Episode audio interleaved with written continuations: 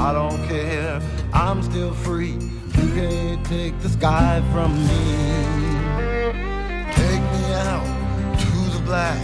Tell them I ain't coming back. Burn the land and boil the sea. You can't take the sky from me.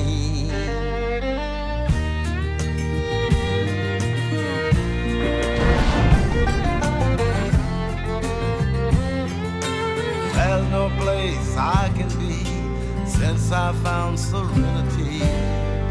But you can't take the sky from me.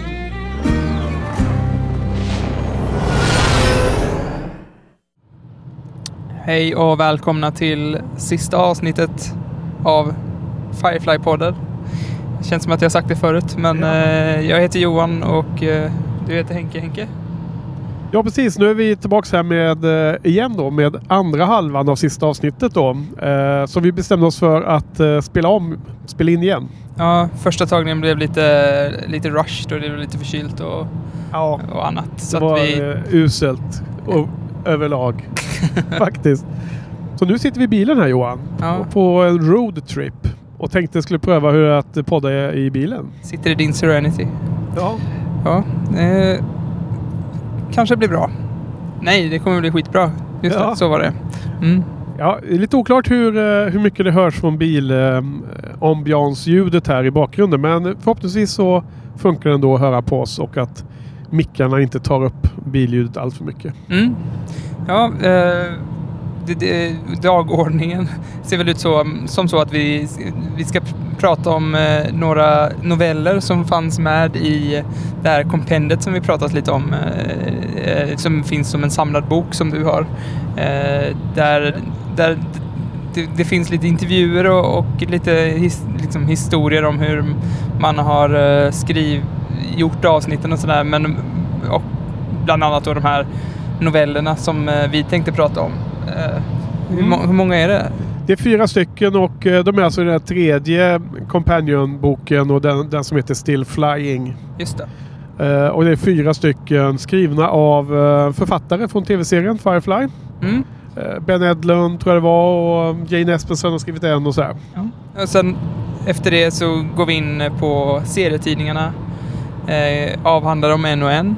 Eh, med den respekt som de kanske förtjänar. Som för första tagningen blev lite som sagt lite rushed. Så att eh, nu ska vi ge dem lite mer tid. Så det blir nog bra tror jag. Ja, Mm, men vi börjar med novellerna. Tycker jag. Ja. Eh, do it. Eh, första heter What Holds Us Down. Eller hur? Ja, det är du, det är du som har eh, vårt dokument där som får läsa. Ja. Eh, det är eh, en eh, novell som eh, utspelar sig under tv-serien. Vem har skrivit den? Eh, jag vet inte. Jag har skrivit det? Har, Eller? har du gjort det? Har inte det? Eh, ska vi se. What, ja, Jane Espenson har skrivit den. Ja, just det. Hon är ju lite favorit. Eh, men okej. Eh, så vad, vad handlar den om lite kort? Eh, Wash är skadad och eh, Kaylee tar väl hand om honom eh, på något sätt. De ska... eh, Just det. f- de ska ta sig till... Nej, de, de är på en scrapyard va? Ja, precis. De, det verkar som att Serenity har gjort... De ska ha stulit massor med prylar på något scrapyard och sen har de blivit upptäckta va? Ja, och de är på någon annan Firefly, inte den Serenity, utan de är på en, på en annan modell helt enkelt. Ja, precis. För Serenity har tvunget att åka iväg och kvar är Wash och uh, Kaylee som har gömt sig i en eh, Firefly Series 1. Gammal version och som dessutom är icke-fungerande då. Ja. Eh, och Wash är skadad väldigt eh, illa och, och eh, måste fixa allting och för att rädda dem och rädda Wash ju. Ja, du har skrivit i dina anteckningar, att, eh, som jag har nu då eftersom du kör, eh, att det är lite repetition från War Stories. Ja, Vi- precis. Vilken För- del var det som var Jo, repetition? Då? Jo, att han är ju så, så skadad i den här novellen att han hela tiden håller på att domna av och svimma. Lite Ja. som när han och Mal blev torterade av eh, Niska. Och eh, för att hålla Wash vid medvetande så börjar Kaylee liksom reta honom med, med liksom att eh, med Zoe och att Wash inte är värd henne och allt sånt där. Och det kändes lite som att det var... Det hade man redan gjort en gång ju. Ja. Eh, Så det var lite en repetition tyckte jag. Men det var ju kul dynamik att läsa där. Det var som Kaylee som körde det, den varianten mot, mot Wash istället för Mally i och för sig då. Ja, men det är någonting som jag känt av eh, genom eh, serietidningarna också, att de har eh, så här, rehashat gamla, gamla grejer. Ja, Jag antar att det är för att man ska känna att, eh, att det är lite en glimt till de gamla, glimt till de gamla, eller till tv-serien. Men eh, jag tycker, jag, jag vill gärna, jag tycker hellre att eh, man ska hitta på egna liksom, plotlines och ja, expandera världen istället för att eh, rehasha gamla grejer. Och kan störa mig lite på sånt. jag håller helt med. Eller helt med. Ja, bland, ja, bland annat. Jag vet inte om vi kommer till den senare, men så hittar eh, Kaylee eh, Janes pistol som man har sett i Objects in Space och sådär. Ja, det är River som gör det va? River, ja. Sorry. Ja, Ja. precis. Ja, men eh, vad tyckte... Har du något så här slutomdöme på den här? Ja, alltså... Den är eh, inte supernödvändig. Alltså det är inget så här eh, unikt nytt material. Lite som du var just inne på, att det känns som att det redan är saker som man har eh, sett något liknande. Eh, det är en kul eh, detalj är ju att eh, Kaylee listar ut ett sätt att bygga om motorerna väldigt snabbt genom att använda delar som ska användas för sån här gravitations eh, styrsystemet i, Firefly, i den här Firefly, gamla Firefly-skeppet som de är på. Ja. Så bygger hon om dem så att de kan faktiskt eh, flyga iväg från den här scrapyarden som verkar vara ute i rymden in, i orbit. Så eh, de lyckas rädda sig på det sättet. Och, eh, och sen så det andra som jag kommer ihåg var väl att konklusionen var väl att det de pratade om att Wash eh, styrka är inte hans eh, att han är en eh, stark eh, krigare som Zoe eller Jane eller, eller eh, ja, massa olika saker. Utan att det är, han tar, tar fram hjältemodet ur, ur de han är med. Var det väl något å- Mm. åt det hållet. Just För, det. för att Kaylee fick ju bli hjälte när han var sjuk där. Men att det var liksom hans superhjältekompetens var att lyfta fram det bästa ur andra. Ja. Och det är ju en, det är ju en fin tanke om Wash. ja. Ja. Nej men jag, den var väl okej, men inte superviktig om man säger så. Nej. Men jag, jag, jag hade ju svårt, speciellt, eller alla novellerna hade jag lite svårt att liksom kom, dras in i på något sätt. Men den här hade jag lite extra svårt att komma in i och var tvungen att läsa om stycken flera gånger för att liksom komma in i den. Så att, Ja. eh, eh, ja, eh, ja, den var okej tyckte jag väl också. Ja. Då är jag ändå ett fan av Jane, Jane Espenson jag också. Ja. Eh, novell nummer två vet jag inte riktigt vad det kan räknas som en novell för det är egentligen b- bara två frames eh, som ser ut som komma från en barnbok nästan. ja Där- precis, det är som två tecknade paneler va? Eller heter det panel? Ja, en, en bild så här. Ja, precis. Ja. Och eh, den heter Fun with Dick and Jane och eh, är från när Jane är liten och man vet inte riktigt vem eh, Dick är men han Dick eh, han har en Ja- samma mössa som Jane har i ja, den som- som Jane har fått från sin mamma där i alla fall. Ja. Och först, första panelen, där står Dick och petar på massa döda djur tror jag. Och sen Jane ser bara allmänt äck, äcklad ut av det. ja. och andra panelen, där har de eh, där har de satsat pengar på någon hobo-fight va? ja. Så, ja. Alltså, ja, jättekonstig och väldigt svårt att uttyda någon speciell handling då så att säga. Det är så kort. Men det, så jag vet inte, det, det är väl bara att man ska få en, en vibb, en, en känsla för att Jane kom från så här fattigt och ganska rough eh, uppväxt va? Ja. Ja, och sen du skickade en länk till någon sån här eh, Fandom-wiki av eh, eh, Firefly och Ja. där i där har de skrivit hur mycket som helst kring de här Ja. två bilderna bara. Men Ja. där har de försökt att få fram så information om... Uh, kolla på mina anteckningar igen. Ja, nej, nej. Titt, kolla på dina snygga lår. Ja. Uh, där har de försökt få fram information om... eh, eller där, där, har de liksom uh, spånat kring vad allting betyder och att det här med att Dick har en samma likadan mössa som Jane har, i, har fått av sin mamma tänker de att, eh, att de skulle kunna vara syskon och det här med att Jane ser lite äcklad ut eh, läser de in att, så här, att eh, han inte alltid har varit lika tuff utan att han har blivit härdad av miljön eller något sånt där. Ja. Och eh, så här, ställer frågor omkring ifall det, det var hans hemplanet bilderna var ifrån och sådär. Så att det är verkligen så här gå all in på bara de här två små bilderna liksom. Ja, och samtidigt så tyckte jag Johan att eh, eh, det är till exempel så att de, de eh, första bilden ser man att de, eh, för det är någon text också där, eller de säger något i dialogen att de får pengar per sån här dött djur. Och då, det är Just som det. döda råttor och det är döda så här stray dogs. Så man förstår att de döda djuren så lämnar in dem för att de är så här eh, ja, för sani- sanitära skäl då. För de, de är på någon sån här rymdhamn då, då. Och sen i andra bilden så har de ju spenderat de här pengarna på att betta på den här fighten. Och, men då så sitter de ju uppe bland publiken och, och både röker och eh, dricker som det ser ut. Mm. Och, och då ska man ju tänka på att de här barnen ser ut att vara ungefär 10 år.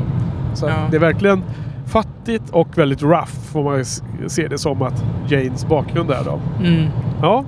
Men den, nej, den, den är väl liksom den svagaste av de här fyra berättelserna. Jag tycker den är, den är verkligen bara kuriosa i allra, som, som bäst. Och ingenting eh, extra, ger inte något jättemycket extra för mig i alla fall. Nej, det är, väl ingen, det är väl ingen berättelse nästan. Det är ju bara två bilder egentligen. Men jag tror att det var skriven av Brett Matthews, kan det stämma? Kolla längst upp. Jag kan kolla. Det står Ben Edlund. Ja, sorry. Det var blanda ihop det. Men Ben Edlund är ju en av de kända namnen. Så att det är lite, lite udda vad han har tänkt sig där. Ja. Ja, men på tal om Brett Matthews. Han har ju skrivit nästa novell som heter Crystal. Som eh, då hänvisar till... Crystal är väl i alla fall som jag läser i dina anteckningar nu att, det, att eh, en kristallkula att se i framtiden, om framtiden. Det handlar, det utspelar sig, alltså det är egentligen River som går mm, eh, genom skeppet på liknande sätt som hon gör i Objects in Space och eh, går mellan eh, de olika mm, eh, besättningsmedlemmarna och siar om framtiden där. Ja, precis. Eh, sticker in här lite. Jag, jag eh, tror att man kan tolka titeln på två sätt. Då. Dels i kopplingen till kristallkulan som du nämnde. Men också till att hon, eh, hon får någon medicin av sin bror Simon. Och att hon blir så här crystal clear i sitt eh, huvud. Då. Och då tar hon eh, nytta av den här förmågan hon fått att se in i framtiden. Då. Och så vill hon, vill hon att eh, liksom, hon, hon läser av eh, sina vänner och ger dem hintar om framtiden. Ja. Eh, ska vi gå igenom allt, allt här? Ehm, Det här är kan man säga att det här är den, tycker jag, den klart bästa av de här fyra. Och Mm. otroligt intressant just för att det är liksom eh, när River får den här typen av eh, förmåga så ska man pay attention now. Liksom. mm, Om man säger så. Eh, vad heter det? Då ska man verkligen vara uppmärksam på. Och jag tycker att det, det, vi kanske inte behöver gå igenom alla, alla interaktioner. Men som ett exempel så träffar hon på Book och då säger hon till honom någonting om att vi kan ju ta några som är mest intressanta. ja, verkligen. Och Book där så säger, pratar hon ju bland annat om att han kommer att dö först. Eh, och det handlar väl om att han sen dör i filmen. Eh, ju, som Ja. vet. Och han tolkar det som att han är äldst och då kommer han dö först. Men, men eh, tyvärr för honom så var det en annan mening också. Det. Ja. Och sen har vi den här eh, lite intressanta och lite komplexa dialogen Johan. Som man kan tolka på olika sätt. Eh, det här med att han frågar henne om, eh, om det har någon betydelse. Eh, och med hans död och hans eh, sökande i livet. Och, och om hans fråga berör alltså Gud, om, om Gud finns och det har betydelse. Eller om, om själva dödsögonblicket hade betydelse. Alltså om man dog för en god cause. Just det. Eh, och jag, jag tror att vi, vi också, inklusive förra gången vi satt och läste. Vi tog ju paus då och, tog, och försökte läsa här och förstå. Jag tror att vi jag tror att vi kom överens om att man kunde tolka det lite på båda sätten. Va? Ja. Alltså det, var liksom, det, var, det var medvetet lämnat lite oklart. Va? Ja. exakt vad han menade. Men för det, det slutar ju med att han sen, innan hon hann svara, så sa han nej, nej, säg ingenting. Jag, jag vill liksom, jag vill leva på min belief istället som vanligt. Liksom. Jag vill inte få svar på den här frågan. Mm. Kommer Ja. du ihåg, eh, kommer du ihåg eh, dilemmat där? Att försöka tolka Jag, det? jag, kommer ihåg, jag kommer inte ihåg exakt vad dilemmat var där, men eh, jag, jag kommer ihåg att det, den, den kunde tolkas tvetydigt och att, att det blev lite dålig stämning där mellan oss var nästan en, en rolig grej. Att, att man kunde återvända och verkligen lusläsa och läsa in olika saker i den, den eh, meningen och det ger ju helt klart eh, högre betyg till den här novellen och även bara det det, efter vi hade suttit och snackat igenom det här så här var ju den här helt klart mycket, höjts liksom i, i mina tankar väldigt mycket. Så att, eh, Ja, alltså jag, jag måste säga att jag tycker att det här är den klart bästa av de fyra. Den är svinbra. Och kan verkligen rekommendera alla som är fans av serien att eh, söka upp den här. Eh, det var ju mer så, han träffar på Zoe mm, och säger bara till henne så här att, att hon kommer klara sig. Eh, hon kommer vara jätteledsen och det kommer att kännas fruktansvärt om nätterna men hon kommer klara sig liksom. Och Zoe fattar ju ingenting liksom. mm, Men det är såklart efter Wash då. Och, och det är också... Eh, I slutet av filmen så säger, ju- frågar ju Malcolm Reynolds Zoe hur Serenity mår. Och, fast underförstått så är det ju att han frågar henne hur hon mår. Och då säger hon ju samma sak som, som eh, River i den här novellen säger till henne att, hon kommer klara sig. Det är ungefär nästan- samma ord för mig till och med. jaha. Så den är fin. Och, och sen eh, kommer hon ju till Wash. Och då säger hon ju ingenting till honom utan bara kramar honom. Eh, mycket hårdare än vad han förväntade sig. Och så eh, tar hon fingret och gör liksom som att hon följer kanten på det här stora hålet i bröstet som typ blir av Ja. spettet. Då. Också en ganska stark liten scen.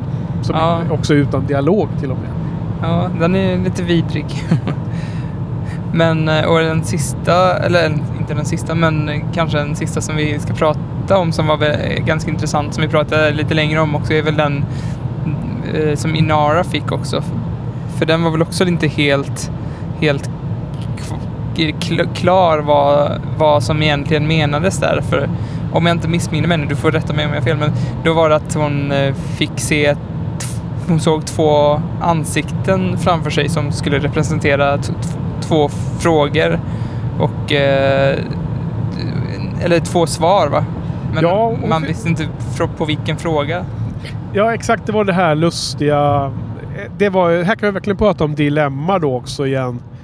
Eh, och jag kommer ihåg att förra gången så sa vi att vi måste läsa på lite mer för att göra diskussionen om det här lite mer begriplig. Och nu har jag gjort det då. Mm. Ehm, och även med hjälp av den här killen som gjorde den där, ehm, den där webbsidan som jag skickar länken Ja. och som vi kommer länka i show notes.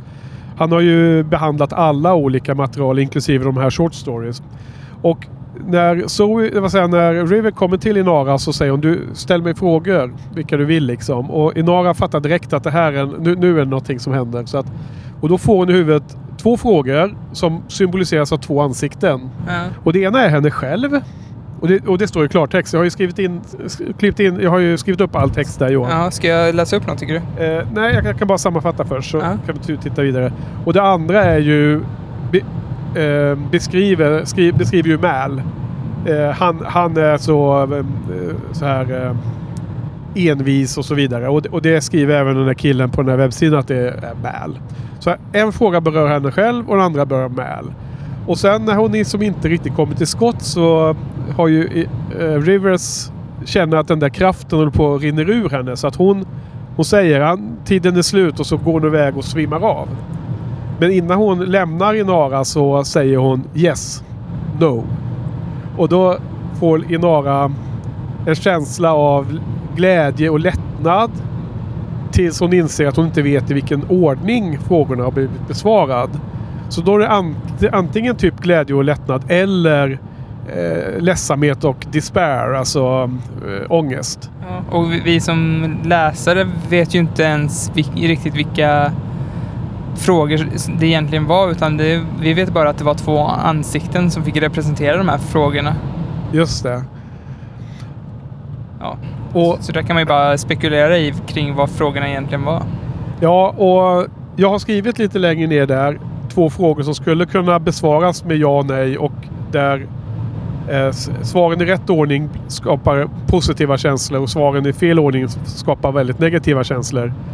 Och eh, jag sökte på Google där Johan. Ja. Eh, answer to eh, Inaras questions in crystal eller något sånt där. Ja. Och det var då jag hittade den här webbsidan. Men det fanns inga svar som kom upp.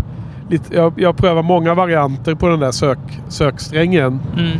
För att det här känns ju som något som fansen, och du vet Reddit och sådana du vet, sådana ställen som Joanna Robinson går in och tittar på när hon ska analysera teorier. Ja. Eh, att, att någon borde ha listat ut de här frågorna. Men jag tror att det handlar ändå om det som du och jag kom fram till redan förra gången vi poddade om det här.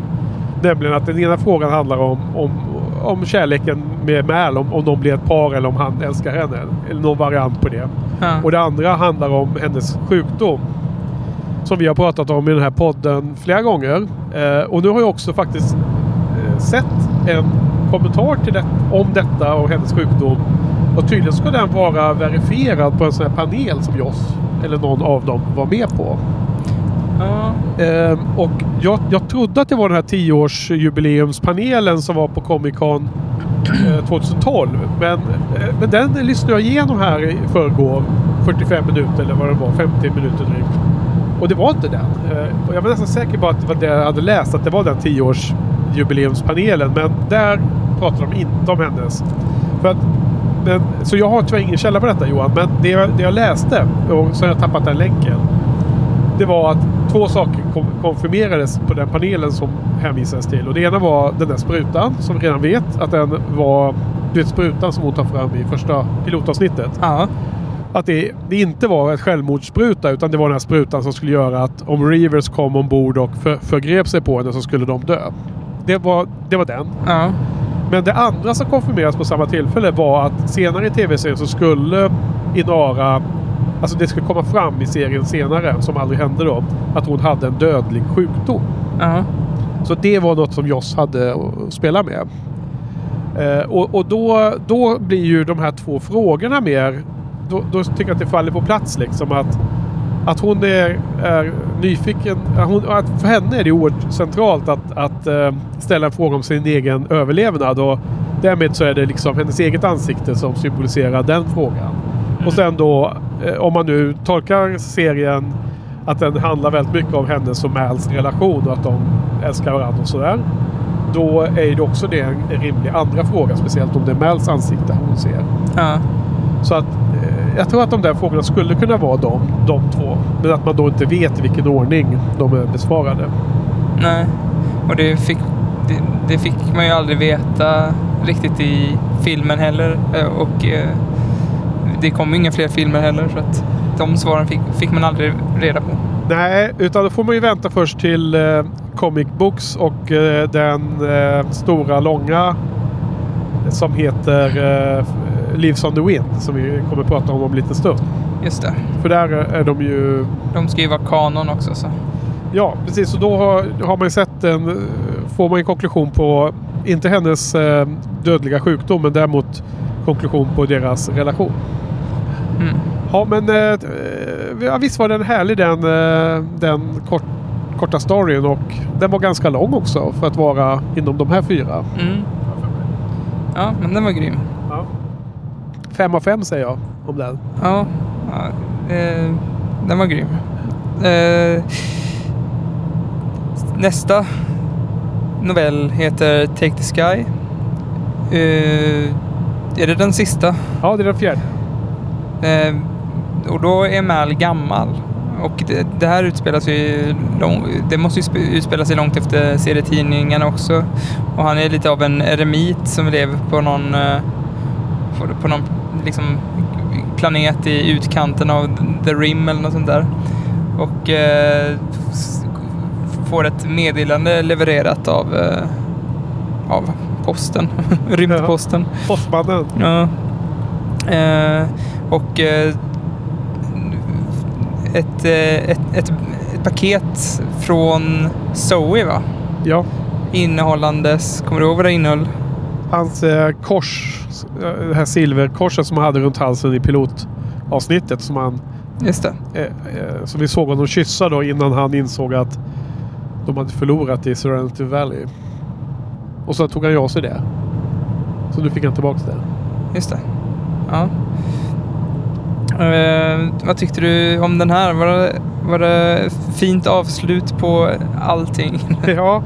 ehm, jag tyckte att den var otroligt uppseendeväckande mörk och eh, en fantastisk eh, spänna båge. Vilken, eh, vilken häftig story att kasta in i en sån här eh, obskyr plats i den här 3D Companion-boken tyckte jag. ja. För det beskriver ju Malcolm Reynolds i hans sista år i livet och otroligt svart historia. Eh, helt, han är bitter. Han är superelak mot den här postmannen som kommer med paketet. Man förstår att eh, Zoe har Serenity och att de, han inte träffar henne längre. Eh, man, man, man, man får läsa i hans... Han tänker på Kaylee och Simon är gifta och bor på Ariel och har två barn. Och, och så vidare. Han, han tänker tillbaks på sina gamla vänner och så vidare. Men man förstår att han är helt ensam och bitter. Ehm, nu så läste jag på den här eh, webbsidan då som, eh, som har nämnt några gånger nu med den där eh, som gick igenom alla de här storyna. Då, Ja. där skriver han väldigt tydligt att det här tolkar många som att det här bara är tankar i huvudet på Mal. Eh, därför att den här kort, korta storyn slutar med att det helt plötsligt switchar i tiden till att vara precis före han fightas med The Operative i slutet av filmen Serenity. Just det. Så att antingen så är pre- presens i framtiden och Mal är gammal och att precis som han tänker på sina gamla vänner så, så tas han tillbaks i huvudet och tänker tillbaks på den här fighten mot The Operative. Eller så är presens eh, under filmen Serenity och de här tankarna är hans liksom typ rädsla inför framtiden. Hans, hans vision av en möjlig framtid. Liksom. Och då kan man ju välja att se det liksom antingen så jättemörkt att det blev så illa och han bara lever i, i, i liksom, han lever bara på gamla minnen och är helt Mm. ensam. Eller så kan man se det lite ljusare och tänka sig att det är hans rädsla om framtiden och, och, men han har alla möjligheter att undvika den. Ja. Om man bara, om man bara liksom lever sitt liv på något visst sätt. Ja, jag har inte ens tänkt på att man kan tolka det så, så men, bara, men det, gör, det tycker jag gör att den blir lite intressantare. För att jag, jag, jag hade hellre sett att han var orolig för att bli den bittra, ensamma eremiten som är, inte vill ha sällskap. Eh, hellre än att han faktiskt bl- blev det. Ja. Och, och det, är, det är så lustigt för att i serietidningarna som vi kommer till här då, då, då, ser, då får man ju veta att Mal och Inara blir ett par. Och jag tror att, eh, vi glömde säga det, men i den här korta storyn då, eh, Take the Sky, så tänker jag också tillbaks på sitt förhållande med Inara då. Men att det är slut då, att det inte är något längre. Man skulle ju kunna tänka sig Johan, eftersom jag är lagd åt att tycka att sådana här svarta storiesar är ju lockande av någon anledning. Men om hon nu hade den här dödliga sjukdomen så lär hon ju ha dött från honom långt i förtid. Och det är kanske därför han har... Alltså om, om det här nu är hans slut. Så kan det vara därför som han har dragit sig tillbaks. För att ja, han förlorade henne liksom. Ja, alltså det, det skulle ju kunna vara... Ja, det, o- ja, det, det känns ju inte som att den... Vem var, vem var det som hade skrivit den här sista... Var det ja, Molina eller? José Molina Ja. var det. Eh, Att han eh, kanske hade tänkt så långt. Det är möjligt, men det känns inte riktigt som att han hade eh, tänkt igenom eh, hela hans tidslinje fram till att han blir gammal. Men, men eh, det är ju definitivt en intressant tanke att, att hon eh, dog ifrån honom alldeles för tidigt och han blivit bitter över det. Ja. Det är spännande tankelek i alla fall. Och eh, sorglig. Det känns inte alls eh, kul jämfört med hans eh, vilja att leva och vilja att liksom hela tiden ta sig framåt och inte backa ner för någonting. Att, att sluta på det här eh, otroligt deprimerande sättet känns ju som en, eh, väldigt trist eh. Ja, eh, det, väcks tankar i mitt huvud om den här senaste eh, säsongen, säsong tre av True Detective. Eh, en karaktär också isolerar sig och med massa hundar bara och Just dragit sig tillbaks från, från mänsklig kontakt. Ja. ja, det finns ju många som lever så sina sista år tyvärr och det är, ju, det är väl eh, inte jättepositivt. Ja. Det är lite deppigt. Ja, så det var de fyra. Jag tycker att eh, den här sista var väl liksom näst bäst helt klart. Eh, klart värd eh, att läsa också och mycket att tänka på. Fyra- 4,2 av 5 i betyg. Ja, Exakt. Här, härligt. Ja. Ja, jag tyckte den blev eh, oväntat intressant att prata om eh, hur man kan tolka den och hur, vad, vad, man kan tolka in i hans liv, hur, hur han kan ha hamnat där. För det kändes som en så här, ett billigt... eh, när jag första gången läste den så kändes det bara som en sån här billig vä- vändning på något sätt. Eh, Att det, så här, ja, men det här hade man inte väntat sig riktigt. Men eh, ja, som vanligt blir intressantare när man pratar om det.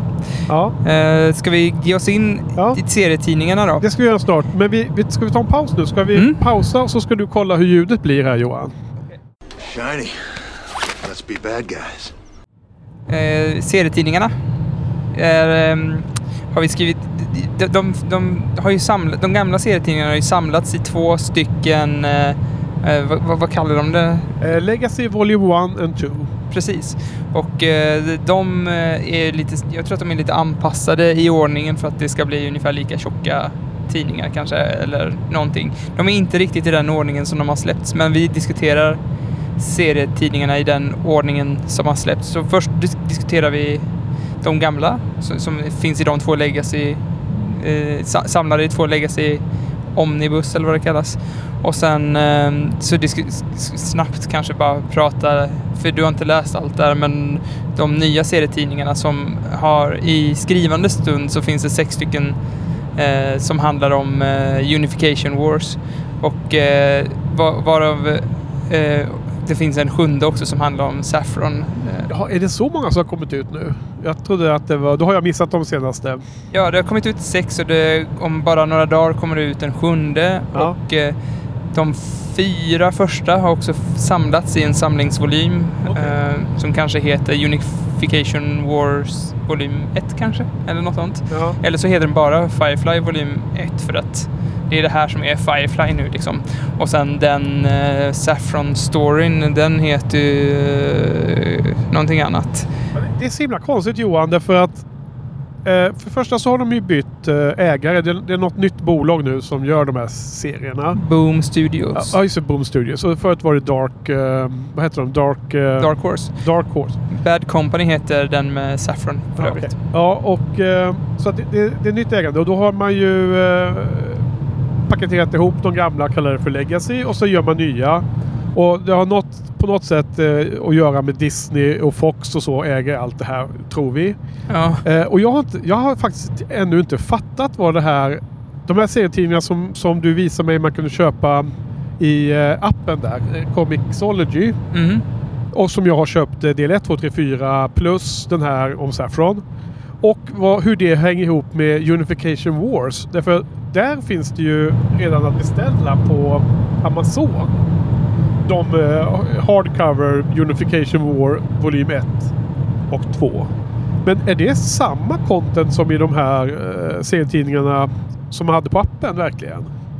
Är du säker på det? Eh, nu ställer du mig på pottkanten. Jag vet inte. Det finns ju volym 1 finns ju, men jag antar att volym 2... Jag vet inte. Är det, kan man köpa den eller kan man bara förbeställa den? Eller? man kan bara, jag har förbeställt den och den har någon leveransdatum väldigt sent här nu då, i år. Ja. Och volym 2 av Unification War eh, har någon leveransdatum nästa år.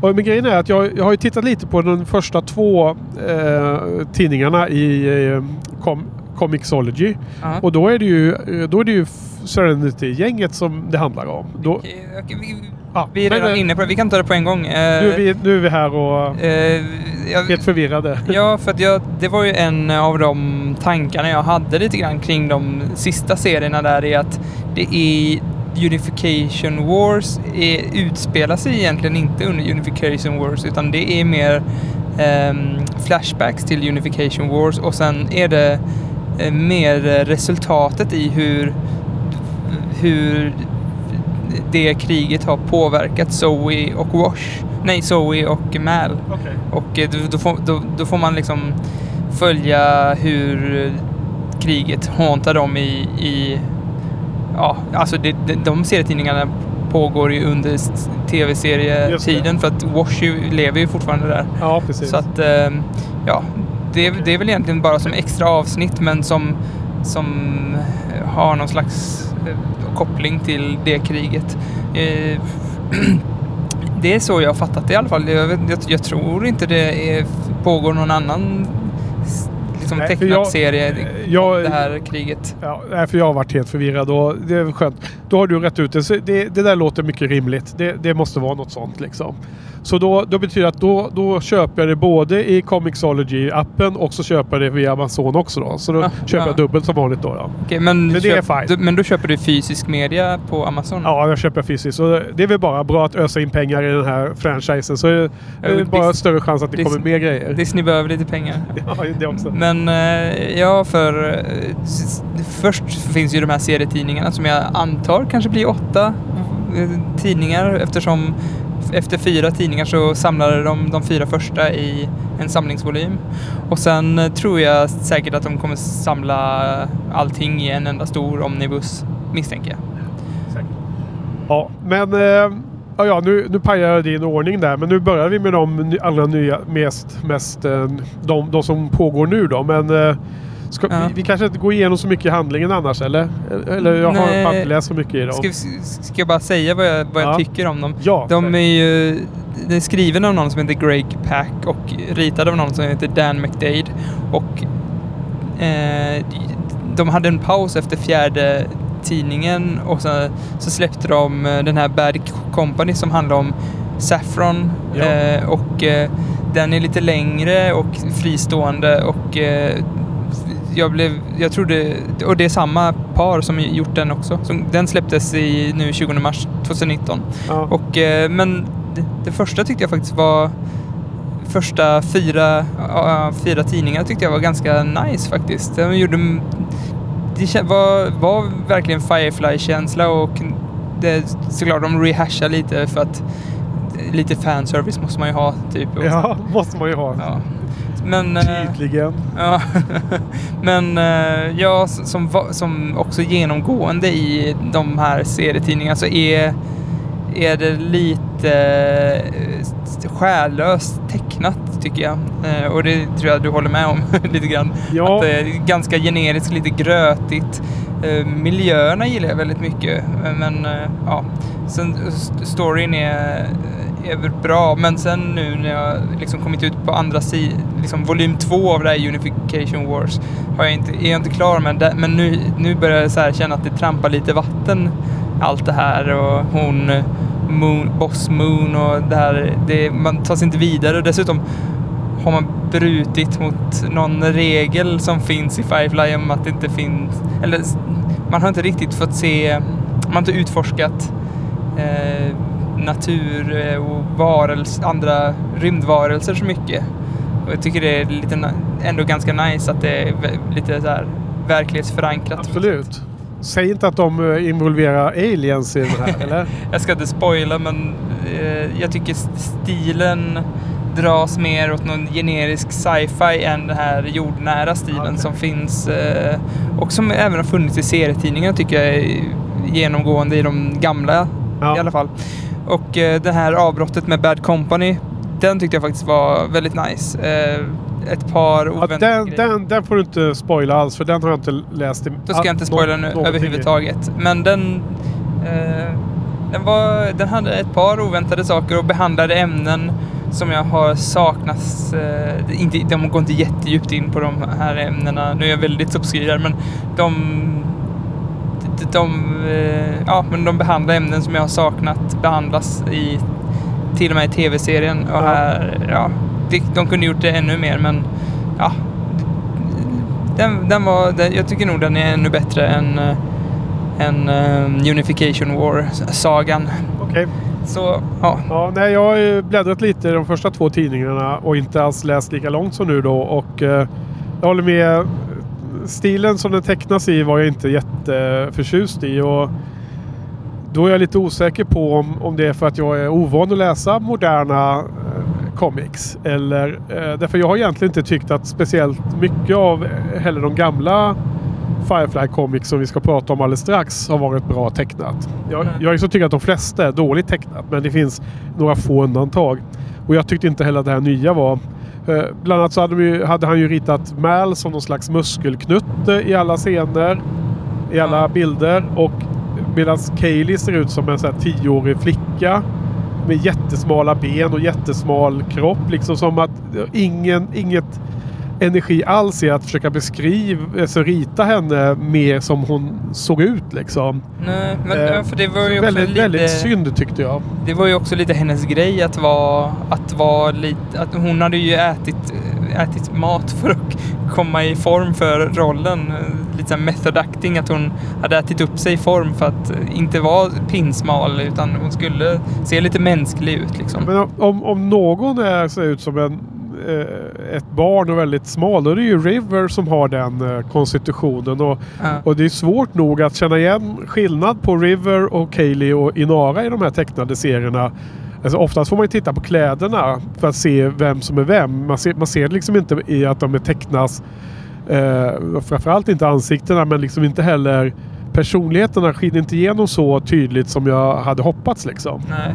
Nej, det är så här, eh, ja, det är väldigt, de ser väldigt generiska ut och även tecknarstilen är väldigt, väldigt generisk. Så, eh, I många av serierna. En del tycker jag är jättebra. Det var ju någon, eh, ja vi kommer till det, men någon är så här, lite lik så Lucky Lukes Ja. stil och sådär. Lite De, naivt så ja. de är lite charmigare och sen var ju någon som ser ut som en så barnsaga också, eller som var en barnsaga. Ja, Det var den bästa. Ska vi gå över till de gamla? Ja, det tycker Eh, jag. Så att då, då finns det fem stycken större storiesar som är uppbyggda av eh, en eller flera serietidningar. Och de är själva huvudkomicsen då, då. Men sen, sen finns det inskjutet emellan och som då är finns med i de här olika samlingsböckerna inklusive Legacy Volume 1 och 2. Då är det så kortare eh, comics som har kommit ut i andra tidningar. Eh, när det har släppts någon slags promotion eh, och sådana här olika comic books day liksom. Ja. Av olika slag. Eller kommit på andra sätt med som, som bonus. Ja. Då har det lyfts över då. Så att, eh, och då har vi listat dem här nu då i den eh, publiceringsordning som de har kommit ut. Så vi tänkte titta igenom dem lite snabbt och Ja. nämna lite kort om varje. Ja, det är rätt nice att, eh, att, de, att det är lite blandat. För man blir lite trött på den här generiska tecknarstilen. Men det påminner lite om eh, serietidningen från Joe Hill som heter Lock and Key där, där man ibland kan få ett kapitel som är helt tecknad i någon helt annan stil. Och det är rätt så här skönt avbrott tycker jag. Men eh, ja, den eh, första som är först både i Legacy och i tidsmässigt. Den heter Those Left Behind va? Och är tre serietidningar som eh, kom efter filmen, nej innan filmen kom, kom vi överens om. För den utspelar sig mellan eh, t- tv-serien och Ja. filmen. Och jag har skrivit upp där exakt när de släpptes där. Om Vill du veta? Ja. Eller ska jag? Ja, läs vad det står där. Den 20 juli till den 9 september publiceras de här tre serietidningarna. 2005. Precis. Och filmen kom sen, senare på hösten där. Så att det här var ju menat att läsa innan tror jag. Eh, som för, för de allra största fansen då som var villiga att kasta sig på nya. Ja, och anledningen till att eh, vi betonar att det var meningen att man skulle läsa det innan, det var ju att jag eh, har sa när vi spelade in den sist att jag tyckte att eh, man fick mer behållning av serien, den här eh, Those Left Behind, efter att ha sett filmen. För att jag, den slutar ju med att man får se The Operative eh, bli kontaktad där.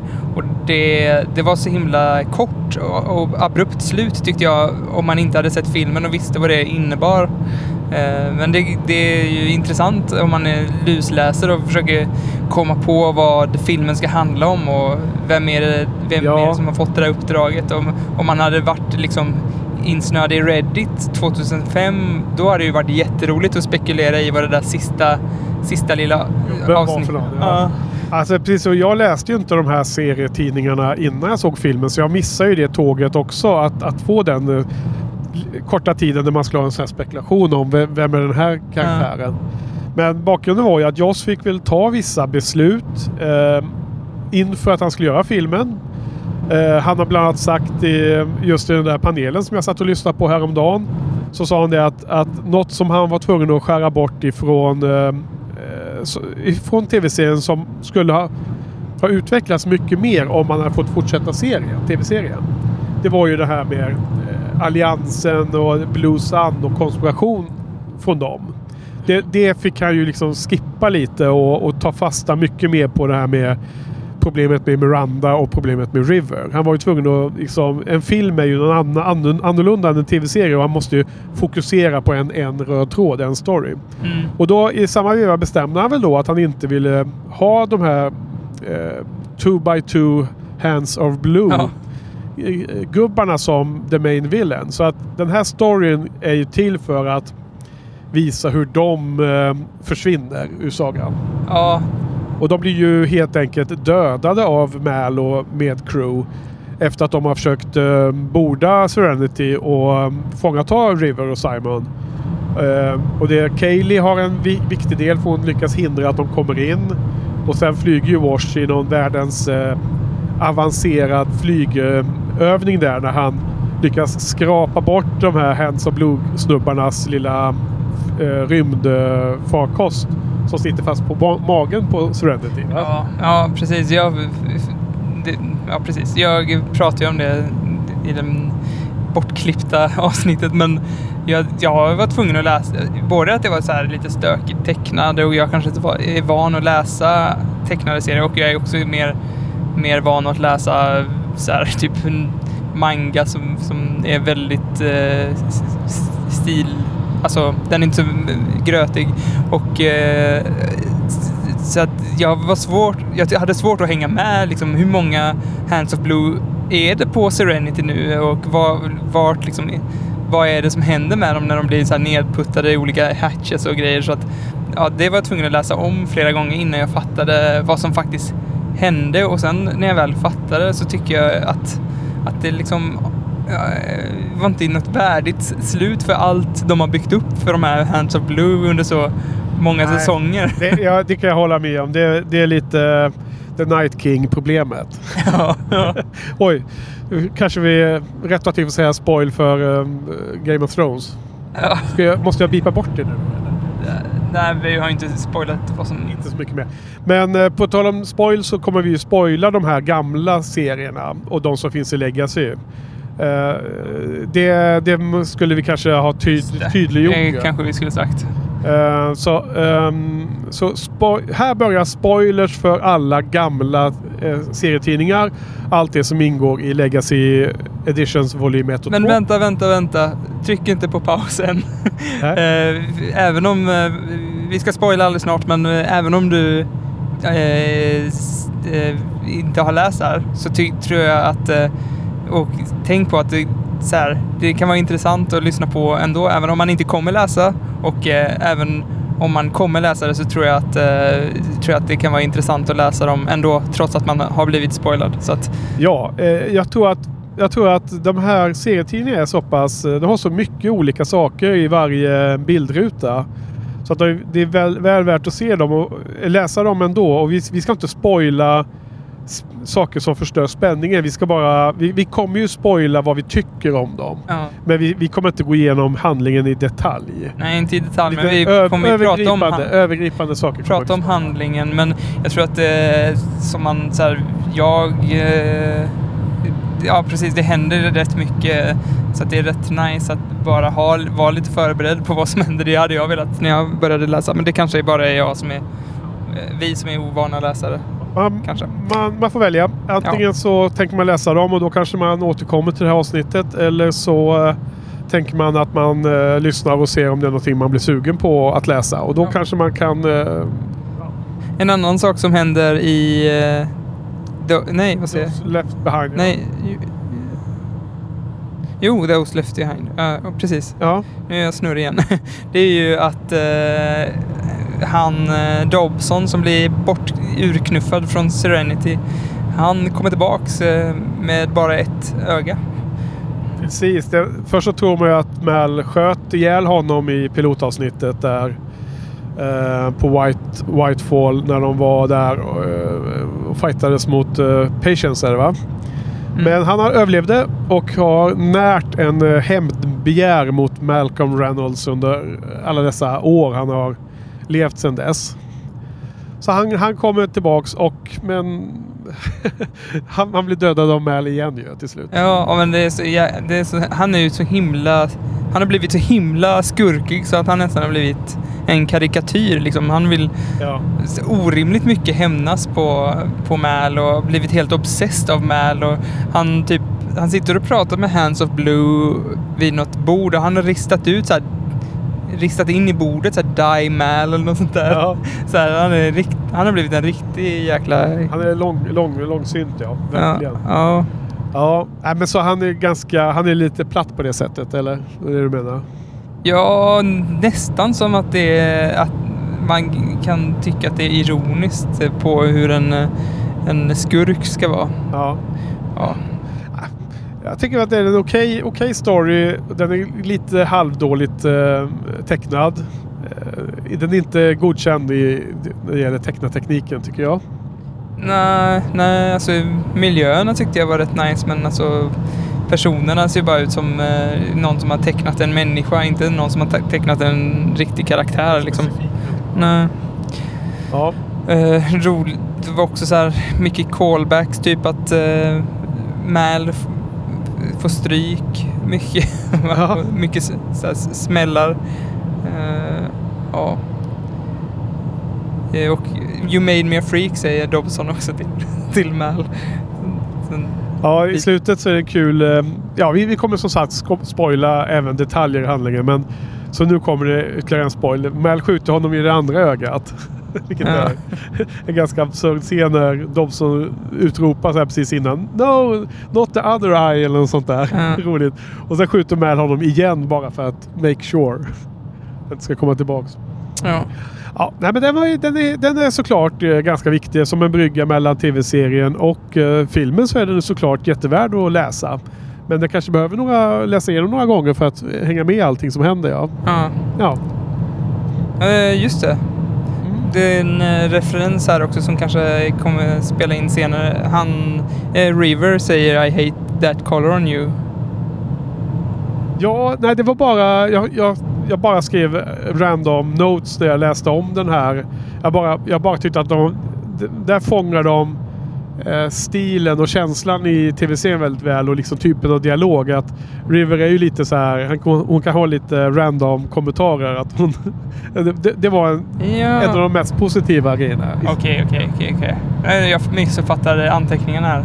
För jag läste att du hade skrivit I hate that color on you. Men jag trodde det var på en annan serie. För jag hade också skrivit upp det quotet i mina anteckningar. Så då tänkte jag att det hade varit bra att det hade varit, den quoten var med i två olika Nej, serier. eh, det var bara roligt att hon, sa- hon sa det och sen så eh, ser man att han har på sig brunt liksom som han alltid har. Ja. Ja, nej men det... Eh, nästa serietidning då. Ja. Eh, Better Days. Eh, kom 2008. Eh, utspelar sig för, eh, efter, efter tv-serien. Eh, men för, före Those Left Behind. Eh, och, och story av Joss Whedon och eh, Brett Matthews. Just det, för det, det behöver vi ha koll på hur mycket Joss har varit involverad i. Och, och det här är samma som Those Left Behind där Joss också var involverad i allra högsta grad ju. Ja.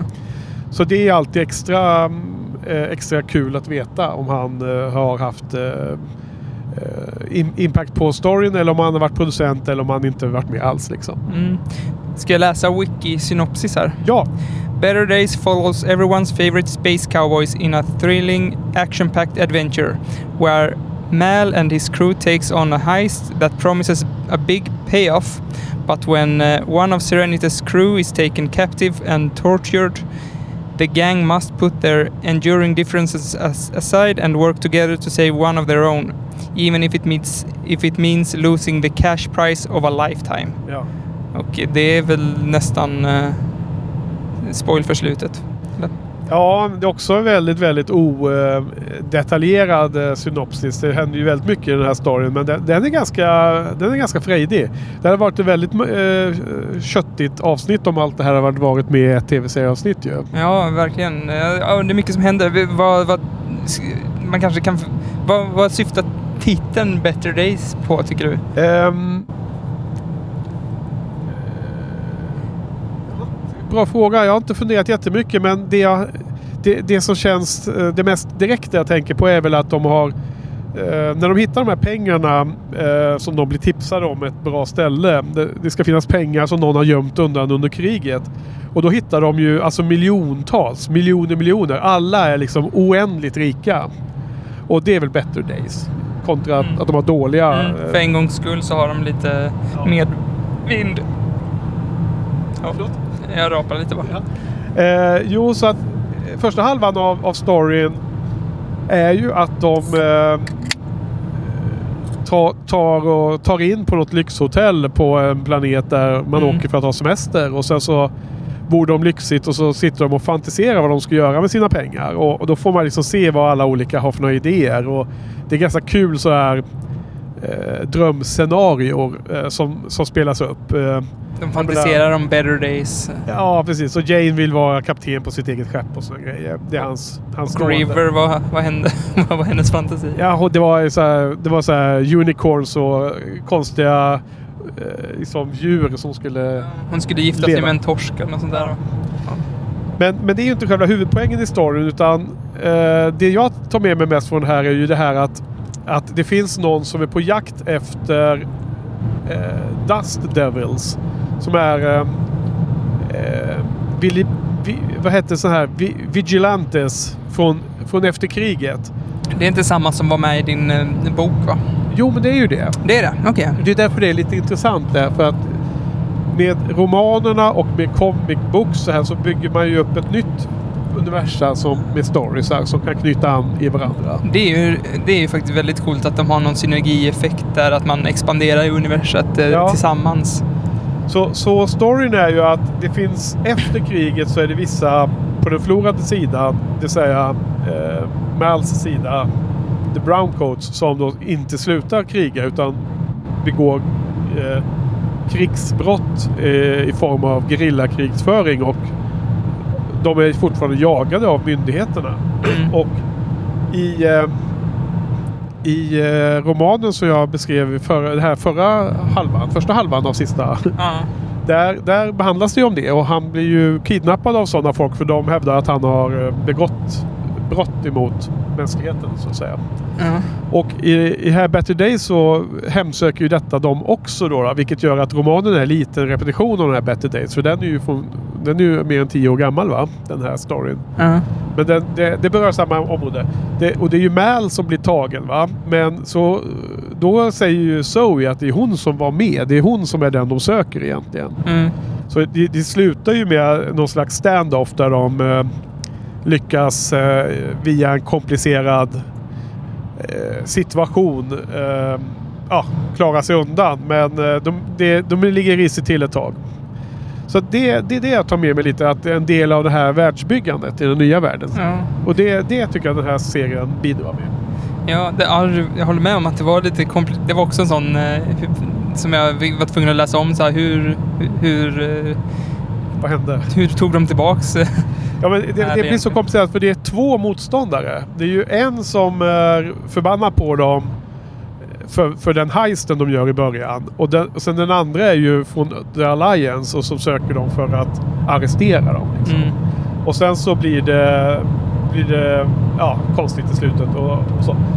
och sen en annan då eh, kul detalj är ju att det antyds ganska häftigt att, att Mal faktiskt avslöjar till eh, polisen då var de har gömt de här oändligt stora mängderna pengar som de har hittat.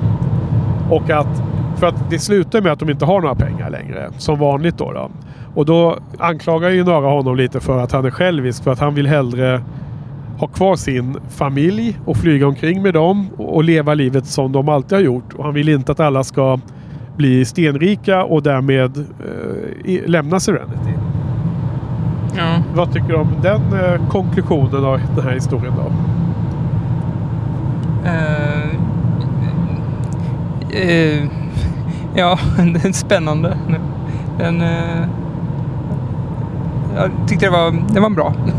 Jag har inte så mycket att Nej. tillägga där. Alltså det är ju... Det är ju sätter ju Malcolm Reynolds i en väldigt dålig dager eh, om det skulle vara så. Jag menar, de, de har ju ofta så himla dåligt ställt och så de inte ens har råd med vettig med mat och de har inte bensin till eh, Serenity och allting. Så att det är ju liksom en liten så här switch i slutet som man blir lite chockad av.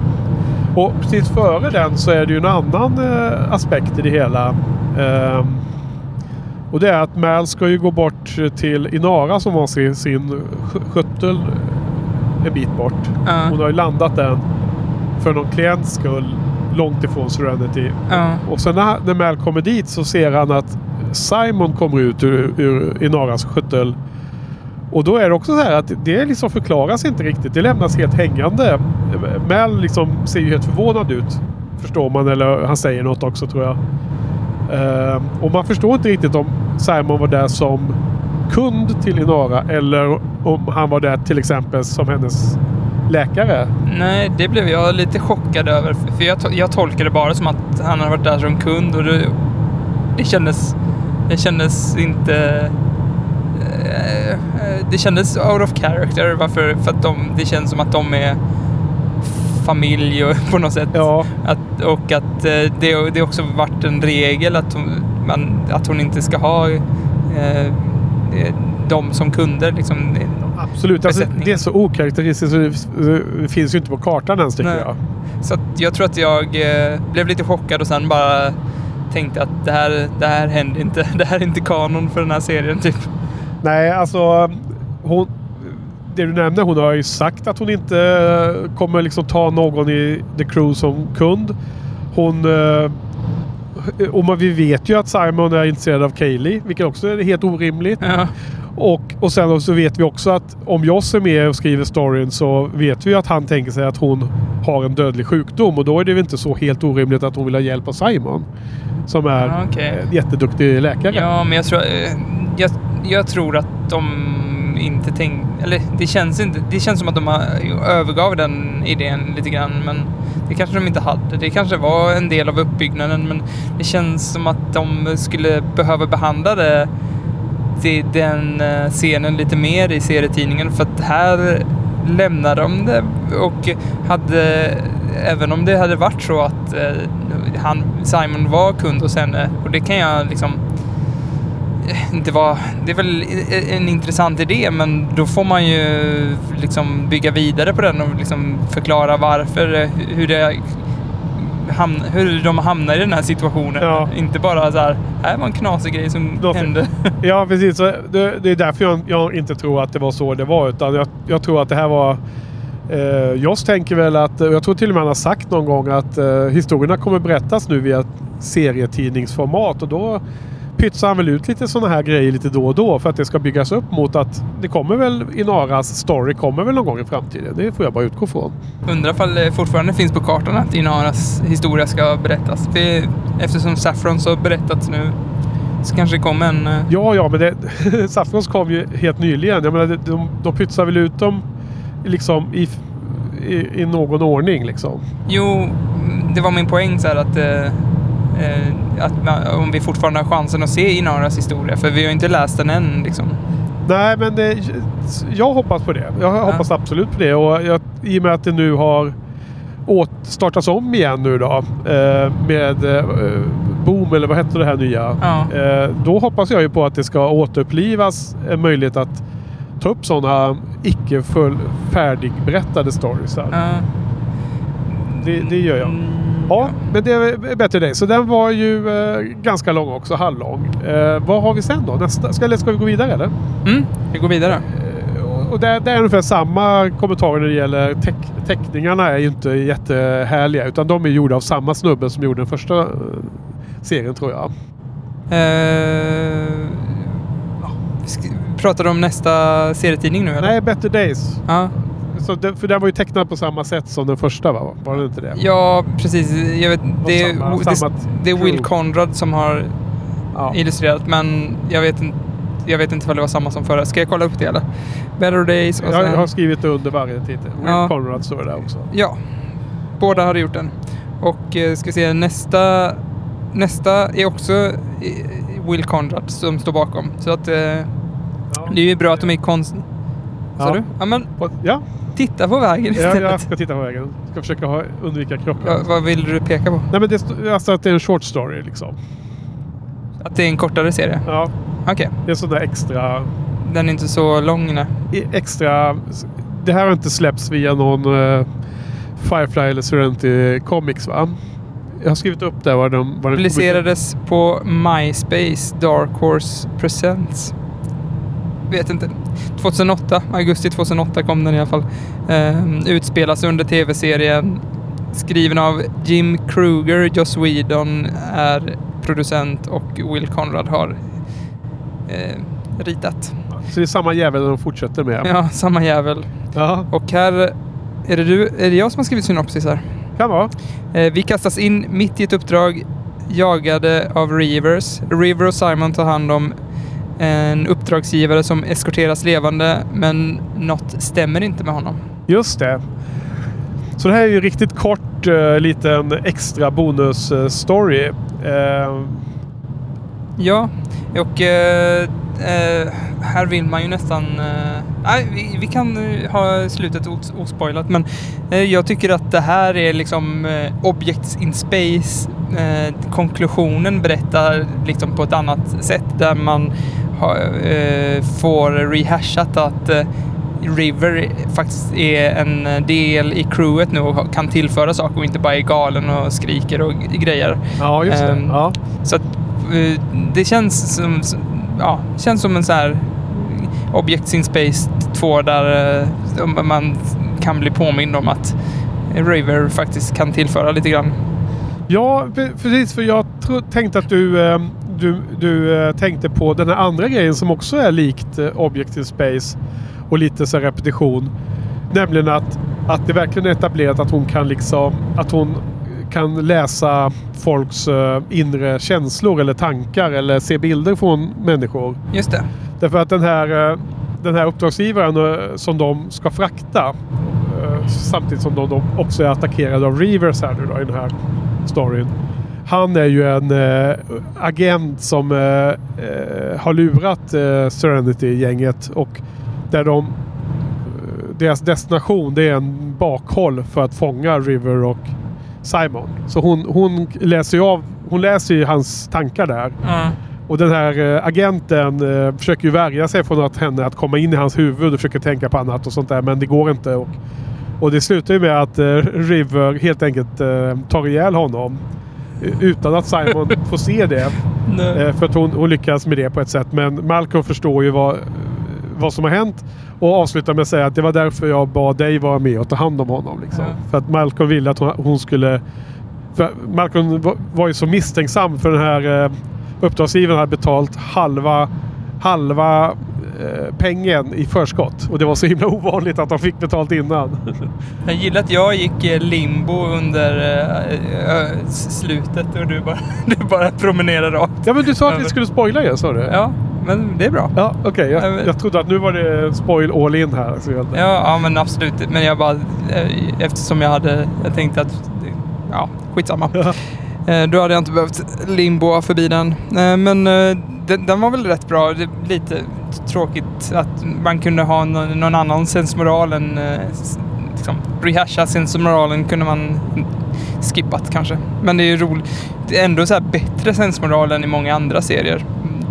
Ja, fast jag hade ju inte alls gjort kopplingen till, out of, eh, till vad heter det, Objects in Space. Eh, så den, eh, den var ju en cool eh, vinkling som du eh, introducerade här. Och det, Ja. Jag köper den helt. Eh, jag hade bara inte sett den eh, direkt så. Här, här i dina anteckningar så läser jag Mal välkomnar henne till crew. Ja, Lite som eh, Objects in Space. ja men det är absolut. Jag, Mm. jag säger att jag håller med om spaningen. Ja. Men jag hade inte gjort kopplingen själv. Nej, nej. Sa det här. Eh, Ja, Ja, eh, det är bara roligt att du hade skrivit det. exakt det i dina anteckningar. ja. Ehm, Alltså, det här är också en kommentar eh, att det är precis som eh, diligens och anfallen av indianer. mm, verkligen. Med tanke på eh, vår vän Karls kommentarer om eh, Firefly och symboliken med, med, de, med de bitarna. Ja, Det är väl ge, genomdiskuterat på ti, tidigare avsnitt. ja, och i kommentarer också. Om man vill läsa mer om det. Eh, nästa serie då. Ja, Eh, Floatout. Publicerades i juni 2010. Utspelas efter filmen. F- före Emma föddes. Eh, kanske... Eh, nu går hä- händelserna i förväg där, men skriven av Patton Oswalt, den eh, kända nörden och skådespelaren. kort, kort snubbe va? Ja, kort och ståuppare. I alla fall har han eh, ståupprutiner om bland annat sin döda fru. Ehm, ja. Ehm, här, ska, här har du skrivit något inom parentes. Ska jag läsa upp det? Jag kommer inte ihåg vad jag skrev. Eh, one of several pitches made by Oswald was accepted by Whedon and Oswald began to work on the script with Whedons input. Ja, Jag tror att det var så att Patton Oswalt var ju skådis i eh, Agents of Shield. Så jag tror att det var när de var i den sammanhanget som han kontaktade Joss och sa att han ville skriva en, en serie, till serietidning om Firefly. Agents of Shield, kom inte det långt efter den här serien? Vilket år kom det där ut? 2010. Jaha, jag kanske blandade ihop det då. Eh, Men är han med i Agents of Shield? Han är med i en av de tidigare säsongerna. Jaha. Eh, väl? Ah, Jag skulle... Jag. Jag är sugen på att se det men alla säger att det är så dåligt. Ah, ja. Eh, Men eh, i alla fall eh, Vad handlar Floatout? ritad av någon annan. Ja. Så att nu får vi lite annan tecknad stil va? Kommer du ihåg? Nej, men jag har skrivit något betyg under så var jag någon kort kommentar om... eh, rit- Q25, är det tecknarstilen? Ja, Okej, så det är fortfarande inte bra? nej det är fortfarande dåligt då. Okay. Fl- Floatout was set after the events of the film following Hoban Wash Washburns death. Heter han Hoban? Open ja. Mhm. Three former colleagues pooled their resources to purchase a ship, a Firefly class ship of a different model to Serenity, which they intend to name Jetwash in honor of their friend. At the float floating out ceremony, they call initially unable to find the right words to christen the ship with. Um, and instead tell each other stories about their interaction with Wash, a common theme that Wash would always look out for his friends emerges and... Uh, Okej, Uh, jag är inte så bra på att läsa. Men eh, det är i alla fall så här war stories kring uh, eh, Wash som hans eh, före detta kompisar Ja, eh, spekulerar kring. precis. Och mm, först då, floatout är ju det engelska uttrycket för att eh, namnge en båt och sjösätta den för första gången. Ja, Och, eh, och då brukar man ju krossa en champagneflaska mot stäven och så ger man den ett namn då. Eh, Så det är, det är själva ceremonin här då. ja. och eh, Jetwash känner vi igen från brädspelet. Just det. För där heter ju ett skepp det. Så det var lite roligt att, eh, att, det, att det, den Det är här... där de brädspelsmakarna har plockat upp det namnet. Ja, och det är härligt att eh, den här världen fortsätter expandera långt efter TV, tv-serien är slut, som sagt. Så det var roligt. Eh, Och sen, eh, eftersom vi spoilar, så avslutas allting med att Zoe dyker upp med eh, en bulle i ugnen. En, Väldigt stor mage ja. Ja. Så det är väl... Ja, det, jag vet inte. Tyck, tyck, tyckte du den... Nej, jag, jag, spoiler alert. Jag läser dina betyg. jag håller nog med om ditt betyg här. Vilket, Det- vilket är det? Två av fem har du skrivit. Ja. eh, det, det, det var liksom inte de här eh, historierna var, hade inte så himla... De hade ingen en riktig knorr tyckte jag, utan det var bara så här... Ja, det är saker man skulle kunna berätta om en person, men det är inte som att det säger någonting som har en betydelse för oss som läsare på något sätt. Nej, jag håller helt med. Det saknar punch och... eh, och jag skulle... Det är klart att det på något sätt knyter an till den där eh, korta novellen som es Espensen skrev. Espenson. Just det. eh, det här med när Kaeli... Styrkan med Wash var att ta fram det starka hos hans vänner liksom. Ja, just det. Och den, den liksom... Eh, är lite samklang den här historien då. då.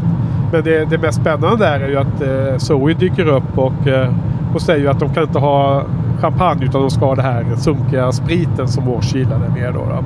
Så hon byter ut flaskan då. Och, det är som en liten kul så. Eh, det, det här var hans favorit. Men sen att hon då är gravid då med deras dotter. Det är ju Mm. liksom det som är det spännande. Det hade ju varit roligt ifall den där flaskan hade planterats i tv-serien eller i någon serietidning innan istället. Så att vi kunde få ta del av den, eh, den härliga punchen där. Ja. Ja. Nej men så den var, den var okej att läsa men inte superviktig. Nej. Eh, nästa. Ja. Den heter Shepherd's Tale. Kom ut i november 2010.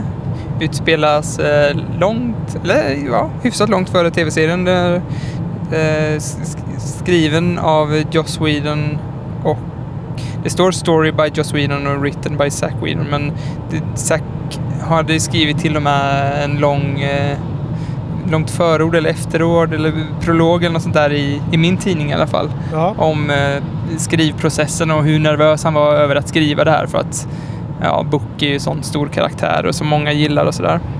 Eh, den här är också illustrerad eller ritad av Chris Samney så att det är ytterligare en ny eh, illustratör. Ja. ja det är ju... ehm, tanken var ju att den skulle komma ut redan 2008. Mhm. Men sen blev det ju försenad av olika skäl. Och eh, det hänvisas till att, att Joss hade storyn klart för sig. Ehm, Okej. Det allra ursprungligaste var ju att um, skådisen som spelar bok, alltså eh, vad hette han nu då? Uh, vad fasen nu så still i för mig med. Han jag hade det ju precis på tungan. Um, ja, ja, skitsamma. kanske kommer tillbaka. Han som spelar bok. eh, han skulle åka på någon sån här convention. Mm. Och då mejlade han till Joss och frågade hur mycket får jag berätta om, om Boks eh, bakgrund? För det kommer givetvis upp frågor på det. Mm. Och då hade Joss svarat på det mejlet med en, en beskrivning av bakgrunden som är typ det som den här serietidningen täcker in då. Och så hade han då eh, sagt att det här ska komma ut på nästa serie 2008. Men sen hittade han aldrig någon, någon bra författare till storyn. Förrän han då tog sin bror till slut, Zack. Mm. Och sen så var det förseningar och olika skäl då. Och sen kom det, vad var det? 2010 eller vad stod det där? Yes, 2010. Ron Glass heter han ju. Just det. För, för, förstås. Eh, skådisen där. Så, ehm, men man kan säga att det, det mest ehm, signifikanta för den här storyn är att den, den varje scen knyter an till en tidigare scen som ledde fram till den scenen man läser. Så att den, det berättas hela Books liv men baklänges. Det börjar med samma dag som han dör, som sker under filmen.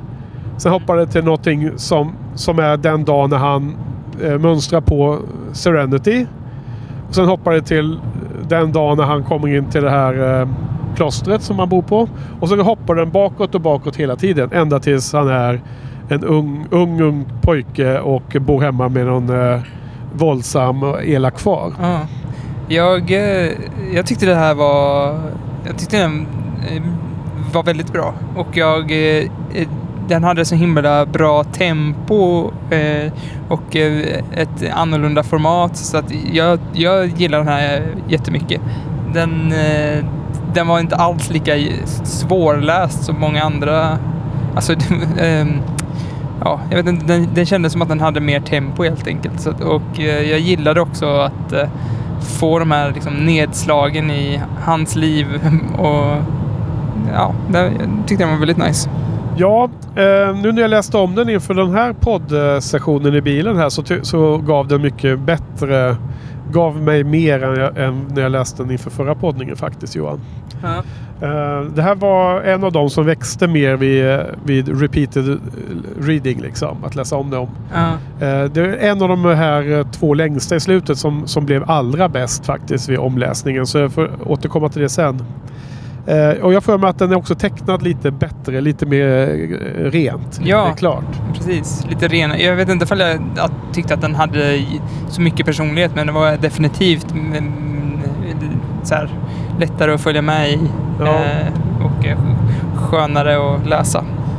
Och, och det, man kan ju inte klaga på mm, Canon här. Därför att Joss har ju hittat på den här storyn och har ju haft den klar för sig långt innan serietidningen eh, vad heter det, ritade. Så att ja.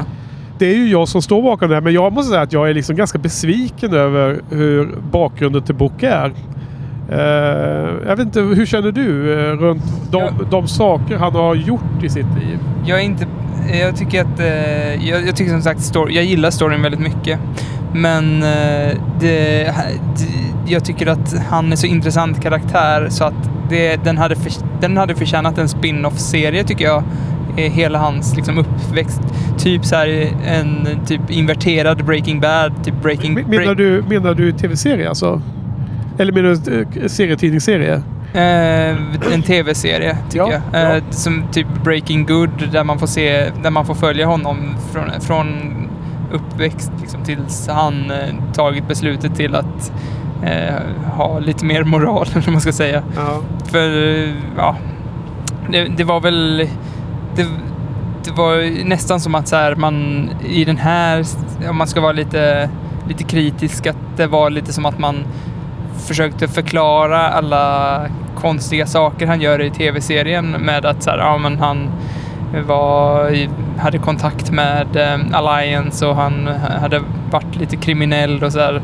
Så, så man förklarar allting och sen så ja, var det inte så mycket mer än det. Liksom. Ja, alltså de bitarna tyckte jag var, var var eh, de bra sakerna. Att, att han hade militär bakgrund och att han hade jobbat eh, som en operativ mer eller mindre eller, eller, liknande jobb. Det var, det, var något, det var det man förväntade sig med tanke på det som hade framkommit i tv-serien. Ja. Vad, vad, vad, som jag tyckte var eh, väldigt slående att han som personlighet, han, för han, han framställs ju som otroligt lugn i sinnet och att han är liksom nästan som en... Eh, att han har nästan så här buddhistisk eh, livssyn. Liksom. Mm. Att han är, han är... Han är väldigt så här... Väldigt god människa känns det som. Mm. Men att han ändå tar i med hårdhandsk med, med nyporna när det behövs. Mm. Att han har liksom en, en, historia där han har gjort eh, hemska grejer och inte minst det här eh, som River ser i eh, det här citatet som kommer fram när River ser honom i Objects in Space. Det här, när han uppenbarligen är elak mot någon. Uh. Men, men jag blev ändå ganska chockad när det visade sig att han, han när han tog namnet Dariel Book så är det för att han han mördar ju en helt oskyldig person bara för att ta en ny eh, identitet. Han heter ju Henry någonting e egentligen. Okay. Och bakgrunden är att han är liksom en, en ungdomsligist. Eh, skolad till detta genom en våldsam far som pryglar honom. Och, men sen blir han lockad och involverad i eh, The Browncoats eller motståndsrörelsen mot eh, eh, Unification. Så han, han är ju på samma sida som Mal. Så det är ju eh, en, en sak man lär sig i alla fall. Och sen så blir han ju frivillig att gå undercover och infiltrera The Alliance genom att ta, anta den här nya eh, identiteten Daryl, Daryl Book. Som han, bara, han tar någon random kille och bara slår ihjäl honom. Och sen så gör han ju karriär inom Alliance men, men hela tiden är en hemlig agent för motståndsrörelsen. Och det, den karriären avslutades med att han iscensätter ett stort slag där som man då får anta där han då förråder sina Alliance eh, militärstyrkor och de blir ju förintade liksom. Eller hur? Det här stora slaget. Eh, tusen åter tusen som dör. Mm. Och det är därför han blir utkastad från eh, militären. Eh, så det står inte riktigt uttalat men man får väl tolka det som att hela poängen med att han ska komma högt upp dit är just för att han ska kunna Eh, omkullkasta sådana planer. Eh, han har ju så, sålt in det där, eh, den, där, den där taktiska planen hos Alliance-sidan för att han ska avsluta kriget i sin linda. Han ska ju som förinta eh, The Browncoats men, i, i, men sen så är det ett bakhåll och alla, alla blir ja, det är något stort eh, kryssare, så rymdkryssare som blir förintat och sånt. Mm. Så att han har ju ganska mycket blod på sina händer om man säger så. Så att eh, det är verkligen en 180 graders sväng om han har gjort efter att han blev re, mm, liksom, religiös och kom till eh, klostret och sånt. Ja. Så att jag vet inte, jag, jag, man blir lite så här, eh, lite så här eh, skakad nästan av att eh, Book har den där så, så, så mycket blod på sina händer. ja. Hade jag inte väntat mig då. Nej, och det, eftersom det var sådana snabba flashes liksom, så var det väldigt tvära kast. Och det, det, hade, det hade varit härligt att ha det som en riktig. För det har väl, var det någonsin någon snack om att ha en spin-off på hans, eh, en liksom book spin-off? Inte som jag har hört om. Okej. Ja men eh, det, det, det, hade, det känns inte som att det hade varit... Det, det hade man kunnat göra med en, eh, en eh, annan skådespelare liksom för att han är ju yngre där. Så Ja. att det, det, vill jag fortfarande se. Ja, sign me up. Ja. Ja. Men jag tycker att den, jag för mig att kvaliteten höjs lite. Alltså det har jättemycket content som är superintressant för fylla i luckorna från serien. Från tv-serien menar jag då. Det är svårt när man säger serien. Menar man eh, serietidningsserien eller menar man tv-serien? Men nu menar jag tv-serien. var explicit. Ja, tv-serien. Luckorna där. Och sen så tyckte jag att det var något bättre tecknat också. jag vet inte, om, vet inte om du håller med? Jag håller med. Det är lite bättre tecknat, men, eller bättre. Jag gillade tecknarstilen mer här, även om eh, det- inte heller var min kopp av te riktigt. Ehm, nästa Ja, heter eh, Downtime och eh, är en kortare serie som publiceras november 2010. Uh, står det vart, också. vart den publicerades eller? Ja, Skrivit det eh, där uppe. USA Today. Alltså i en dagstidning. Ja. Eh, utspelas under tv-serien. Skriven också av Zack Whedon och också eh, illustrerad av Chris Samney. Ja. Så, nu börjar det regna också Johan. Så får vi se hur mycket det hörs på inspelningen. För nu regnar det på bilen. Ja, Men eh, Downtown är en... Downtime är ju en kort historia där om... De har gjort någon, eh, någon stöt på någon planet och sen kan de inte flyga iväg för det blir en snöstorm. Och eh, de måste liksom vänta ut stormen. Passande för övrigt att det kommer störtskur här över oss precis när Ja. vi ska prata om det här. eh, du får säga till ifall vi behöver ta en paus. Det blir mycket på en gång här för dig. Det är, det, det är lugnt. Men, eh, men sen så är, det, kommer det så skurkar och ska, ska attackera dem. Antagligen som hämnd för den här heisten. Och River går ut i snöstormen och eh, ja, dödar dem helt enkelt. Ja. Så det, det är en lite kortis. Och Mal är jätteglad att hon är med. Och sen så säger hon någon sån här eh, kryptisk kommentar till, eh, till eh, vad heter han, Book i slutet. Att Book kunde också göra det där, liksom döda. Ja.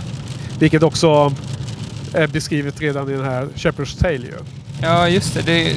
Det är en ganska passande prolog till, eh, till Shepherd's Tale nästan. Vilk- Jag tror till och med att den utspelar sig innan Shepherd's Tale i min, eh, i min bok. Och de kom ut samtidigt också. Ja. Du, eh, jag tror att vi måste ta en paus här. Ja, det gör vi. Ja, du får stänga, du får sitta, stänga av Det är där. ett jävla, jävla liv. Yes. This is a fertile land, and we will thrive. We will rule over all this land, and we will call it This land. I think we should call it your grave. Ah, curse your sudden but inevitable betrayal. Ah, ah, ah! Mine is an evil laugh. Now die! Då är vi igång. Var var vi för någonstans? Vi pratade om... Vilket, vänta Johan, vilket eh, absurt eh, skyfall det blev och sen bara försvann det med en gång. Och vi, vi som eh, kör här på E4 söderut på väg mot Jönköping. 50 minuter från Jön- Jönköping. Där ska vi stanna och äta. Precis, så vi ska podda klart innan det. Så vi går vidare. Så inom 50 minuter så är vi klara. Ja. Men downtown, det var vi klara med va? Downtime, ja. Mm. Ehm, Vad är Precis. nästa? It's Never Easy heter nästa.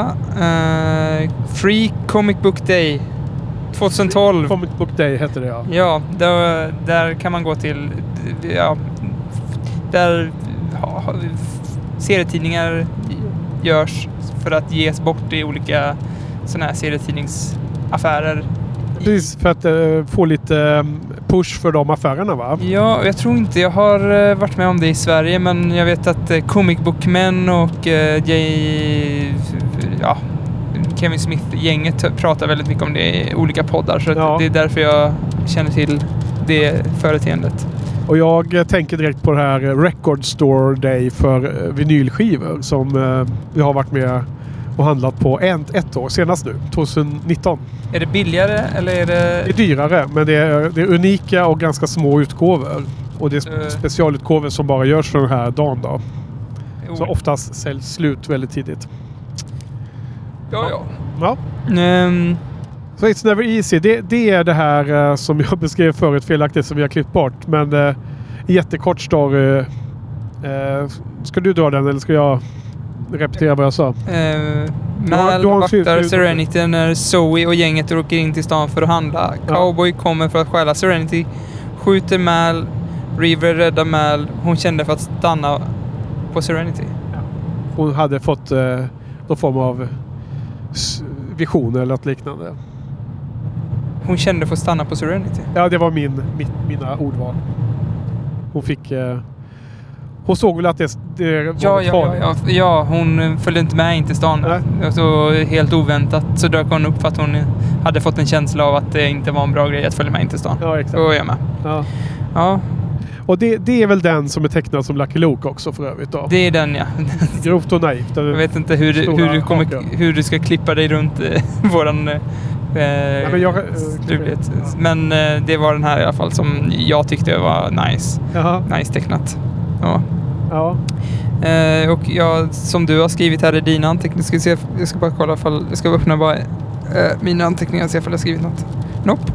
Eh, ja, du har skrivit att eh, det är lite samma att eh, River kommer till undersättning igen. Det är lite rehash av den sensmoralen att River är, är eh, en del av crewet. ja. Så, ja. Den var väl en helt okej liten, eh, liten serietidning. Inte, inte jätteviktig men kul att läsa. Ja. Och nästa är Leaves on the Wind. Eh, skriven av eh, Zack Whedon och eh, ritad av George Genti. Så det är ännu en ny. Kom ut i juni 2014 och består av sex tidningar. Får vi ta en paus igen nu Johan eller? Vi kan Det är ju fan helt ljust här på himlen och ändå är det bara ösregn här. No, it's shiny. I like to meet new people. They've all got stories. Captain, can you stop from being cheerful, please? I don't believe there's power in the verse. Stop Captain from being cheerful. Har vi börjat? We're, we're back. Nu ska vi be om ursäkt för att det har Snurrar vi blivit nu eller? Rullar vi? Eller vad heter precis. För att det har blivit lite eh, en reseplogg istället för en, ett riktigt avsnitt. det? Ja men nu, nu börjar vi ha en... Uh, undra om det är liksom något som är emot oss för att nu poddar vi i slutet av det här och så visar det sig att då var inte maskinen på, eh, påslagen så att Nej. Det blev ingenting på minnet. Eh, Nej, det blev ingen en- inspelning. Det blev blev en- ingen Det inspelning. blev en halv sekund så att jag antar att jag dubbelklickade på record-knappen där. När jag la ner inspelningsutrustningen på golvet. Så lustigt nog. Men nu har vi i alla fall stannat och ätit middag och nu är vi på väg on the road again mot Göteborg. Så nu ska vi avsluta det här Johan. Nu, vi har några comics kvar. Mm. Vi kör lite kort. Tredje gången gilt nu då. Ja, nu gäller det. Yes, sir, Captain Tight Pants. Ska vi hoppa vidare på nästa poäng då? Precis, vilken är det då? Nu kommer vi till en eh, mastodontavsnitt eh, som heter Leaves on the Wind som är sex tidningar som publicerades i januari 2014. Eh, och eh, är en fortsätt, direkt fortsättning på filmen. Eller, Ja, just det. det. är Under januari till juni va? 2014. ja, Så att det, det släpptes massor med... Det är ju jättelångt det här. Det måste ha tjocka tidningar också. Eller hur? ja, ja, det var det nog. För varje... Det är uppdelat på sex kapitel och det, det måste vara de sex tidningarna och de är ju Ja. långa liksom. Ja. Det är Zack Whedon som har skrivit George Gianti och en ny va? Eh, tecknare. Eh, här I den här eh, serien så expanderar man ju verkligen eh, universat ännu mer och man introduceras för nya karaktärer som Bea och det är ju någonting som både behövs eftersom det försvunnit karaktärer i filmen. Och eh, det gör ju naturligt att man, man måste ha, ha liksom nytt blod in i, i eh, serien. Och det känns som att det, det gör det gör Firefly serietidningen väl att, att liksom och det tvingar serien att, serietidningen att få lite så här egen eget, egen stil Ja. eh, och egen röst eh, och eh, ett eget uttryck. Ja. Just för att man får in det. Och det är ju liksom inte direkt... Det är ju ingen wash man får in här liksom, utan det är en egen karaktär. Så det gillar jag verkligen. Och den är lite mer serienpassad som du sa innan vi upptäckte att vi inte spelade in. Att, att man ser tydligt att, att hon är hon för att hon är serietidningsanpassad med en sån här färgslinga i håret. Och, Ja, här, eh, en av de här nya karaktärerna, Bea, har kort, kort hår och färgat blått. Så det är väldigt lätt att följa Ja, vem det är. äh, var det hon som var blått hår? Mm. Men det är någon som har en slinga, en röd slinga i håret också va? Är det... Eh, ja, eller var det hon? Klart. Ah, man ser i alla fall vem Ja. som är vem av de nya karaktärerna. Mycket lättare än eh, gamla. Och den, den är ju så lång den här storyn så att vi går inte igenom handlingen. Det händer väldigt mycket. Men centrala saker är att, att eh, Zoe får ju den här dottern då. då eh, Emma. Mm. Och ehm, så där händer ju efter filmen då. Och, och sen introduceras vi en ny Bea som du nämnt. Och det är ju en, en vanlig person men som är med i så här, motståndsrörelse mot Alliance. Mm. Och sen senare så introduceras man ju till en så här likadan flicka som River. Som heter Ja. Iris. Ja. Har hon kanske lite rött i håret tror Eller var hon? Hon var väl, hon var inte hon rakad i början? eller? Ja, i början så var hon eh, skallig för man såg de här äckliga ärren från operationerna i huvudet. Ja. Så Iris är ju också färdig utbildad eller färdig omgjord till sån här ett vapen. Så hon är ju först emot eh, våra hjältar och sen är, blir hon, eh, ja, vaknar hon upp ur den här dimman och är då på de goda sida i slutet. Ja, och det är ju spännande också att gamla karaktärer i den här serien får, får nya roller i och med The Operative till exempel. Som eh, har ett Också, ja. litet ark i den här serien och eh, v- vem är det? Jubel Early dyker Ju- upp också. just det, han också. överlevde. En chans på många miljoner tror jag med uppskattade. Jäklar. Så, och här blir han ju dödad igen då typiskt. Eller som Typiskt. typ, typ dödad igen men överlever också igen. Han blir utkastad ur Serenity på hö väldigt hög höjd av Kaylee och, eh, men hamnar i en jäkla buske av något slag.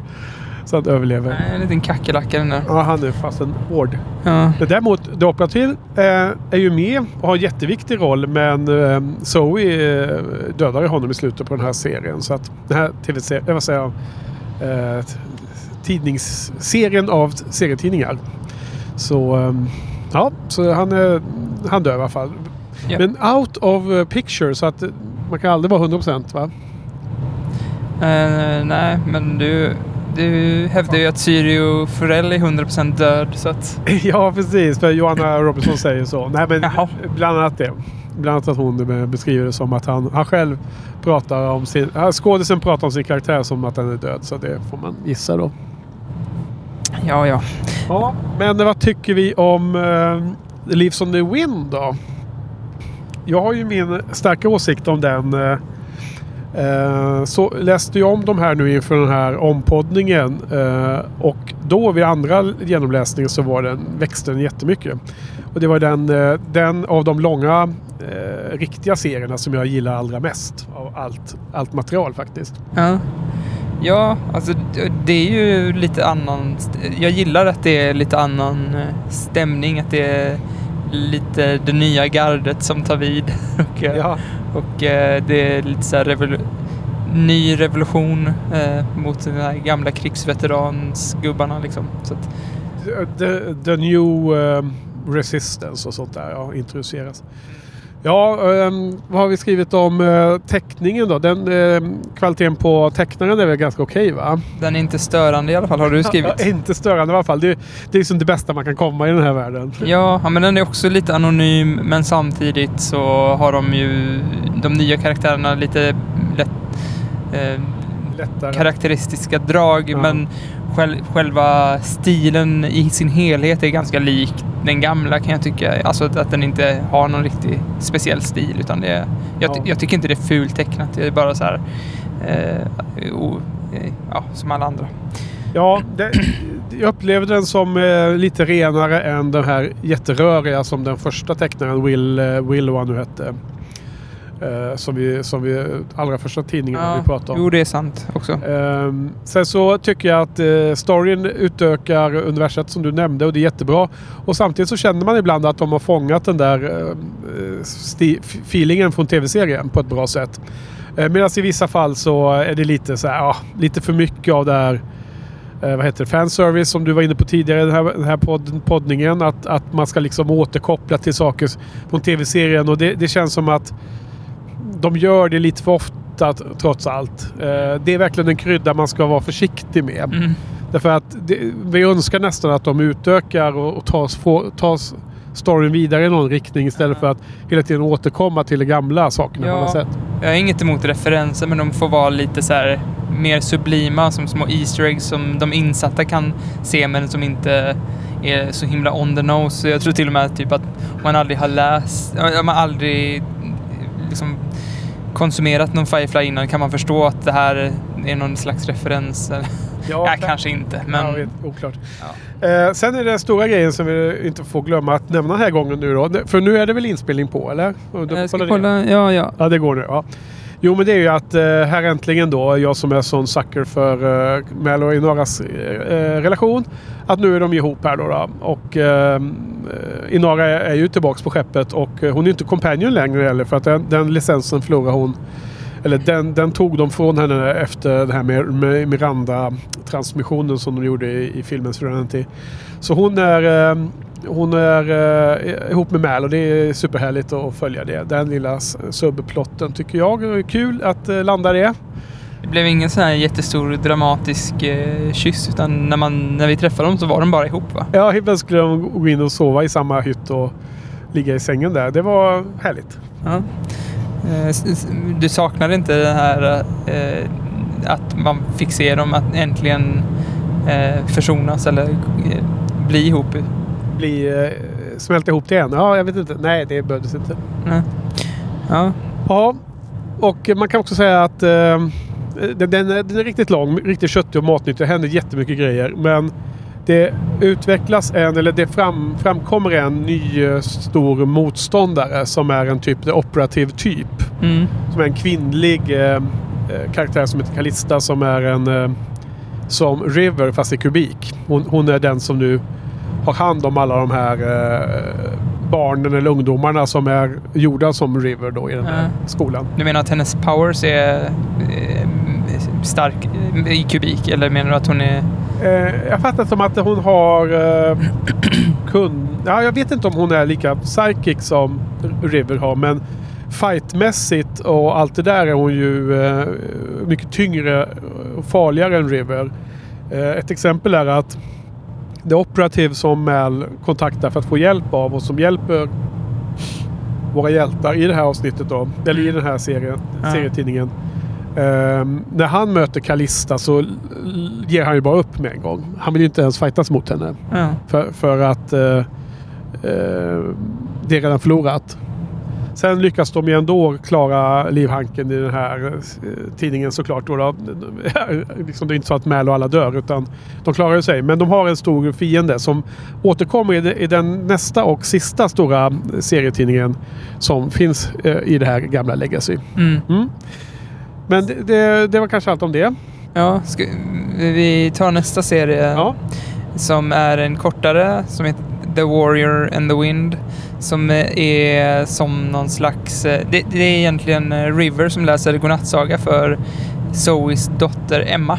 Och hit, hittar på, berättar deras äventyr som en metafor.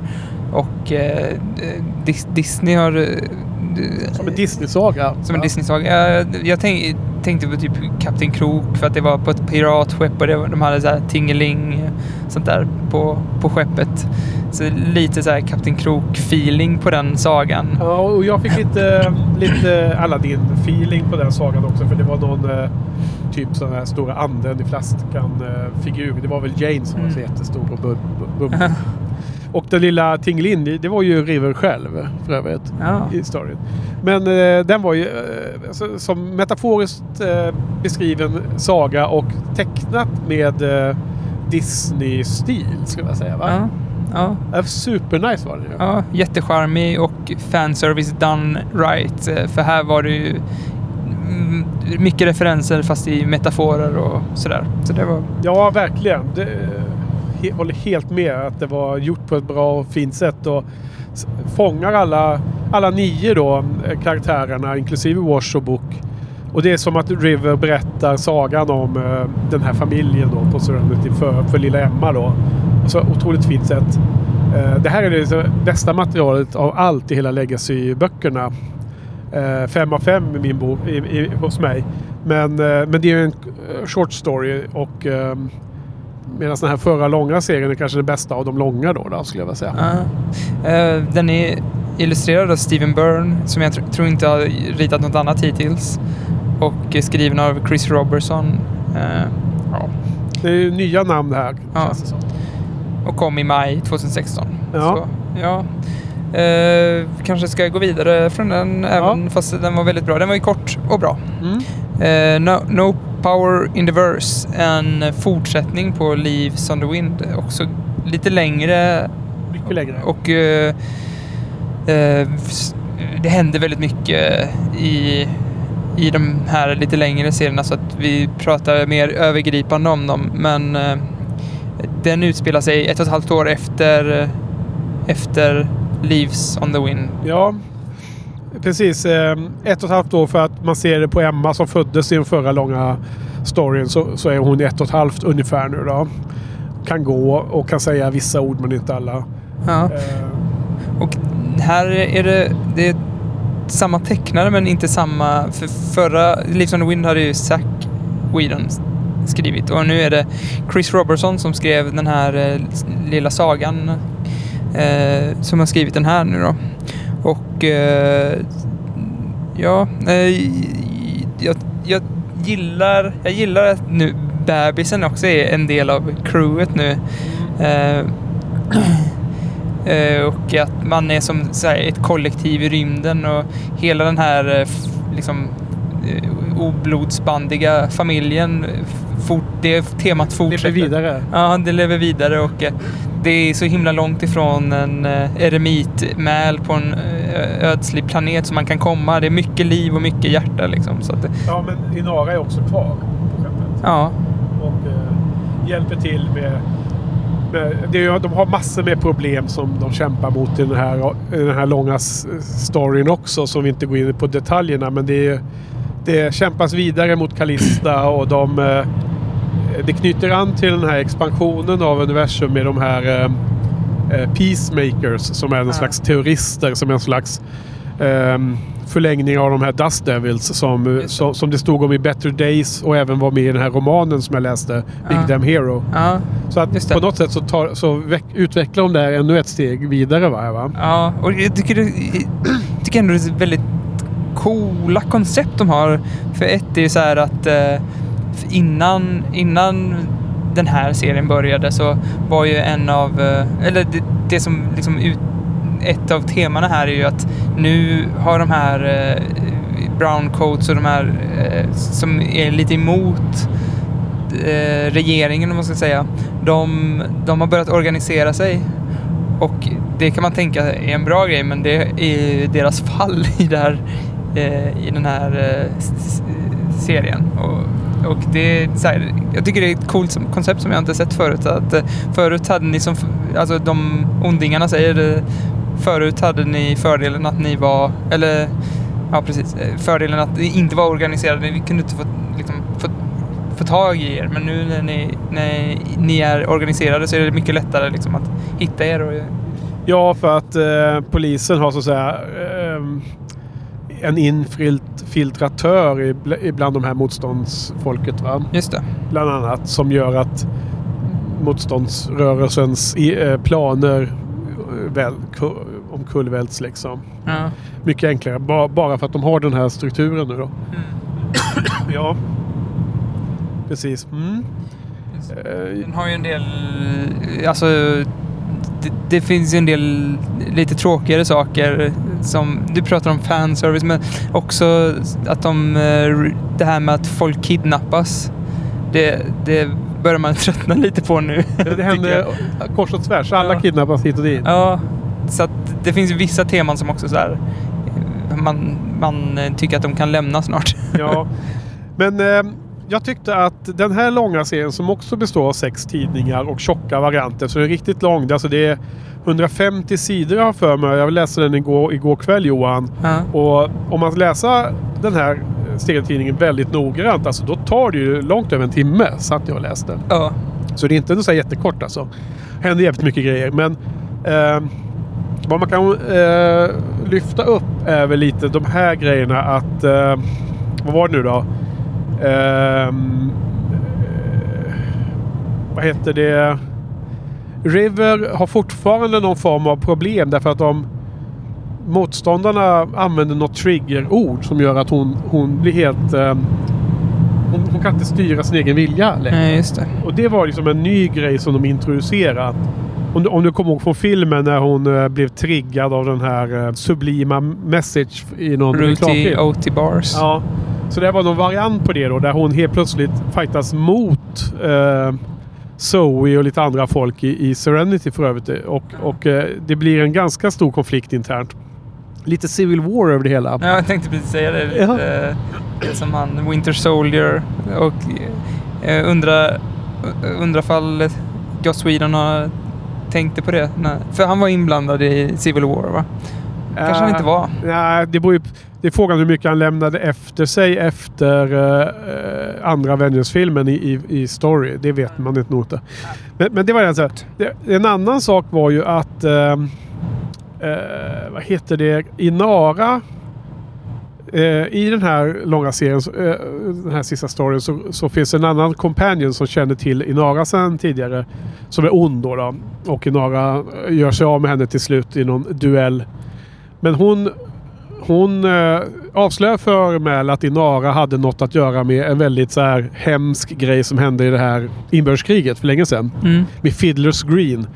Och eh, den här eh, storyn avslutas med att Inara berättar för Mal någonting som var en hemlis och som hon hade aldrig lyckats berätta tidigare. För att det fanns inget tillfälle som det funkade. Och det var att hon hade avslöjat en hemlis som hon hade hört. Eh, och det hade lett till att eh, alliansen hade anfallit Fiddlers Green och dödat de eh, med- soldater som var där. Browncoats, men också massor med civila. Mm. Och eh, när hon avslöjade det här så blev ju Mal superförbannad. Alltså han bara lämnar henne och utan ett ord. Och det, sen avslutas den här storyn. Den avslutas med att Mal förkunnar att nu ska han göra allt för att eh, stjälpa, alltså ta ner The Alliance. Nu, nu ska han liksom inte gömma sig längre som han gjorde i den här förra serien. Nej, det är en revolution. Nu är det, nu är det full on eh, konflikt som gäller. Och det, han, han säger det liksom i samma veva som eh, Inara har berättat detta. Så det är som att någonting eh, igen då dör i honom. Och jag vet inte om det är hans in, eh, första steg mot den där ensamma eh, ålderdomen som händer här. Ja. Men, men det är ju det, det, är ju det sista som sker i den här sista stora storyn i den här Legacy. Så jag vet inte om de kommer ta upp det här igen i de nya serierna. Nej, alltså först när jag läste det så tyckte jag att det kändes som att det, det peggade upp för en fortsättning men det skulle ju lika gärna kunna vara ett, ett slut också. Så här, ett ett liksom tvetydigt slut. Ja, Eh, kanske. att eh, kampen fortsätter liksom. Jo, men jag tycker nästan det känns, det känns på gränsen till som att det är en cliffhanger. För det är ungefär som den scenen i filmen Serenity efter de har varit på Miranda och innan de flyger genom jonmolnet mot Miss Universe. Då när Mal håller sitt eh, hero speech och säger "Mm, I aim to misbehave, no more running och allt det här. Eh, Det, det känns som en sån scen och då, då är det liksom som i filmen så är, återstår det liksom någonting som ska... ja, det är som att eh, Game of Thrones skulle bara sluta efter säsong sju. Ja, eller bara sluta efter säsong åtta utan att hinna berätta klart allting. Det känns som att de gör nu nästan. Ja. Allting går så snabbt. Ja, men att man, eh, man, Jo, ja, man bara klipper precis innan det stora slaget. Ja, ja, precis. Jo, jag förstod vad du menar för jag bara gjorde en ytterligare Ja, jag en, förstår. en lite sarkastisk Eh, kommentar. Du skriver att eh, den fjärde doktorn hade cameo här. Vad menar du med Ja, eh, jo det var den där eh, fansajten som vi nämnde tidigare på podden. Han som hade analyserat de här serietidningarna så himla noggrant. det? Ja.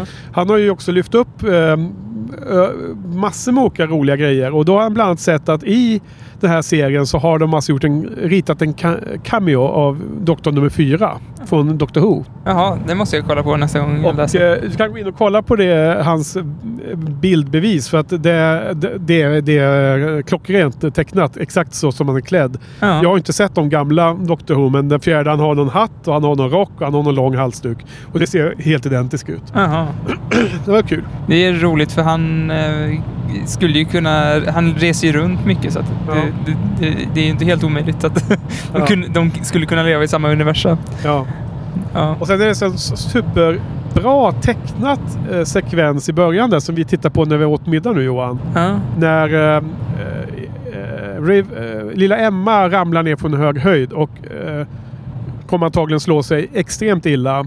Men River hopp, räddar ju upp situationen. Hon, hon hoppar ju ut och fångar barnet i famnen och gör en eh, badass move där och landar på sin egen rygg. Och, och det är så himla bra tecknat för man får hela känsla för hela actionscenen och, och eh, bra tecknat hur River um, håller barnet och tittar henne rakt i ögat när de faller och sådana saker. Så den var väldigt, väldigt bra tyckte jag. Mm. Eh, och sen så när Zoe springer fram och tar tag i dottern och är orolig och allting. Då ser man i bakgrunden att River står och har ont liksom på ena armen. Ser man i bakgrunden liksom. För att hon har hon föll illa där. Ja. Mm. Eh, men det var den. Vad tycker du mer då? Var det något mer? Var, storyn var ju stark men...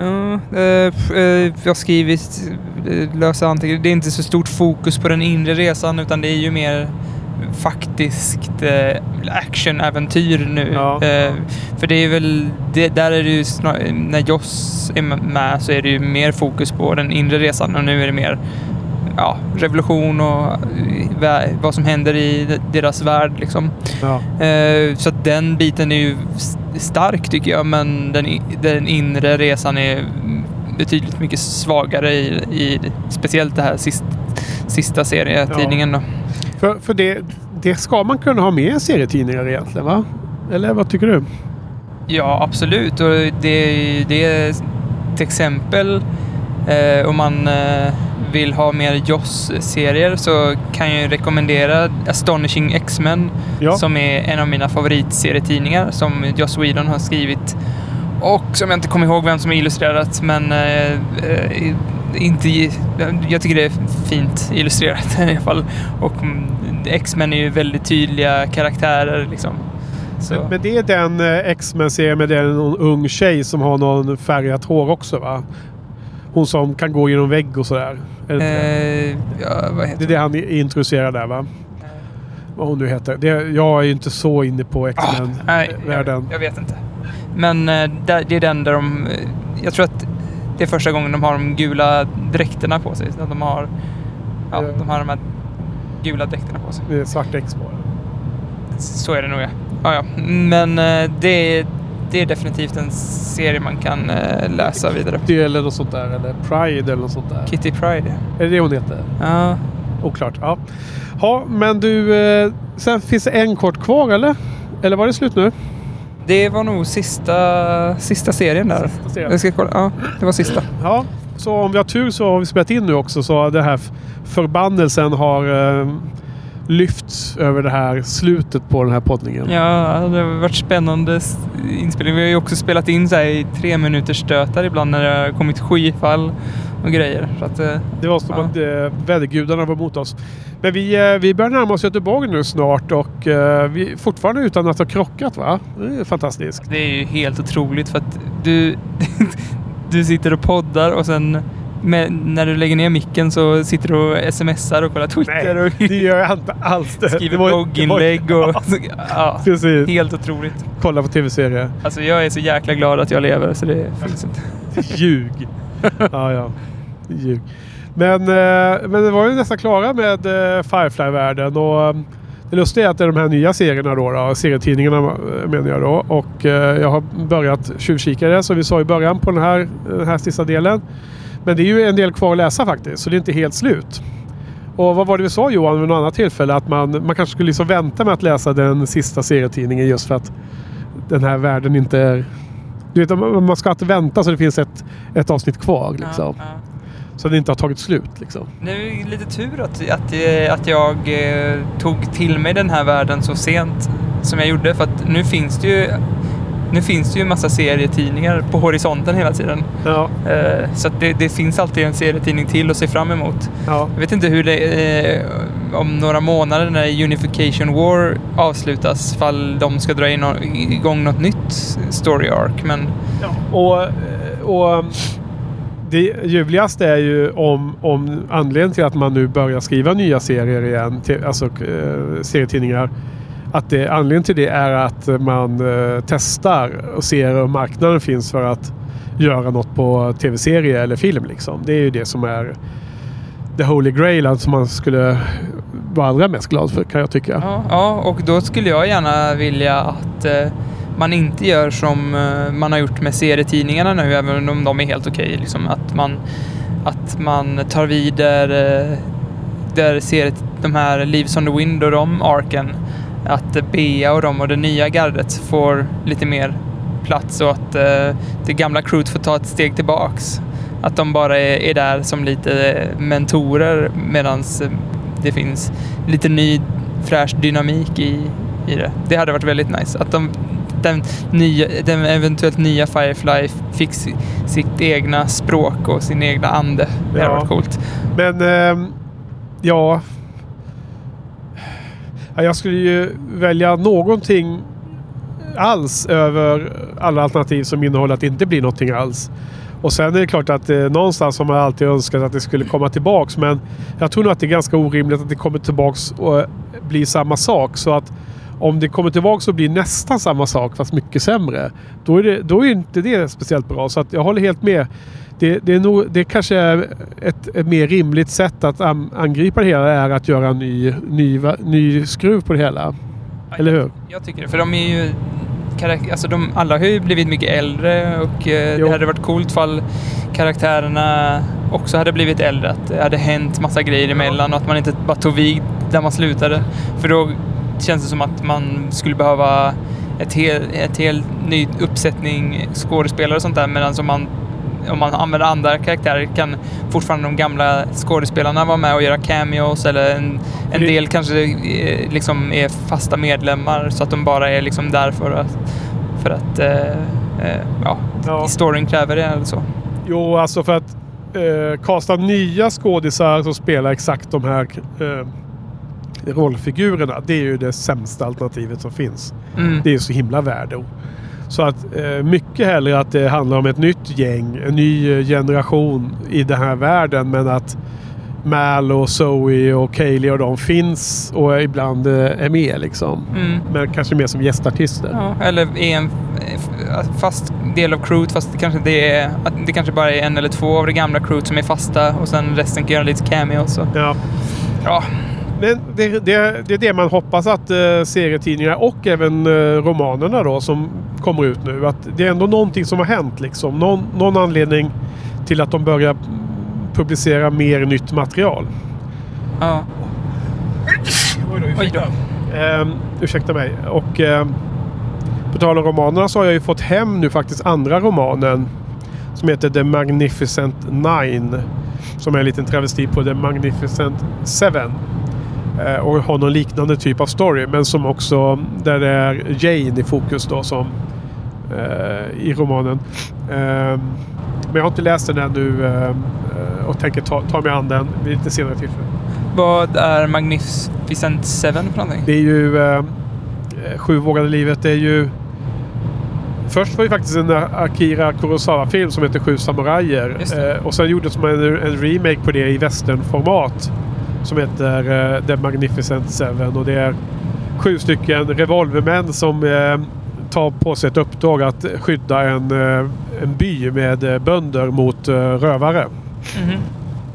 Och först så tror de att de ska få massor pengar för det jobbet men sen så, ja, så stannar de av olika skäl då. Så överlever några av dem och så i slutet av filmen men en- inte alla. Och det är lite så här fight. Så det är eh, klassisk 60-talsfilm.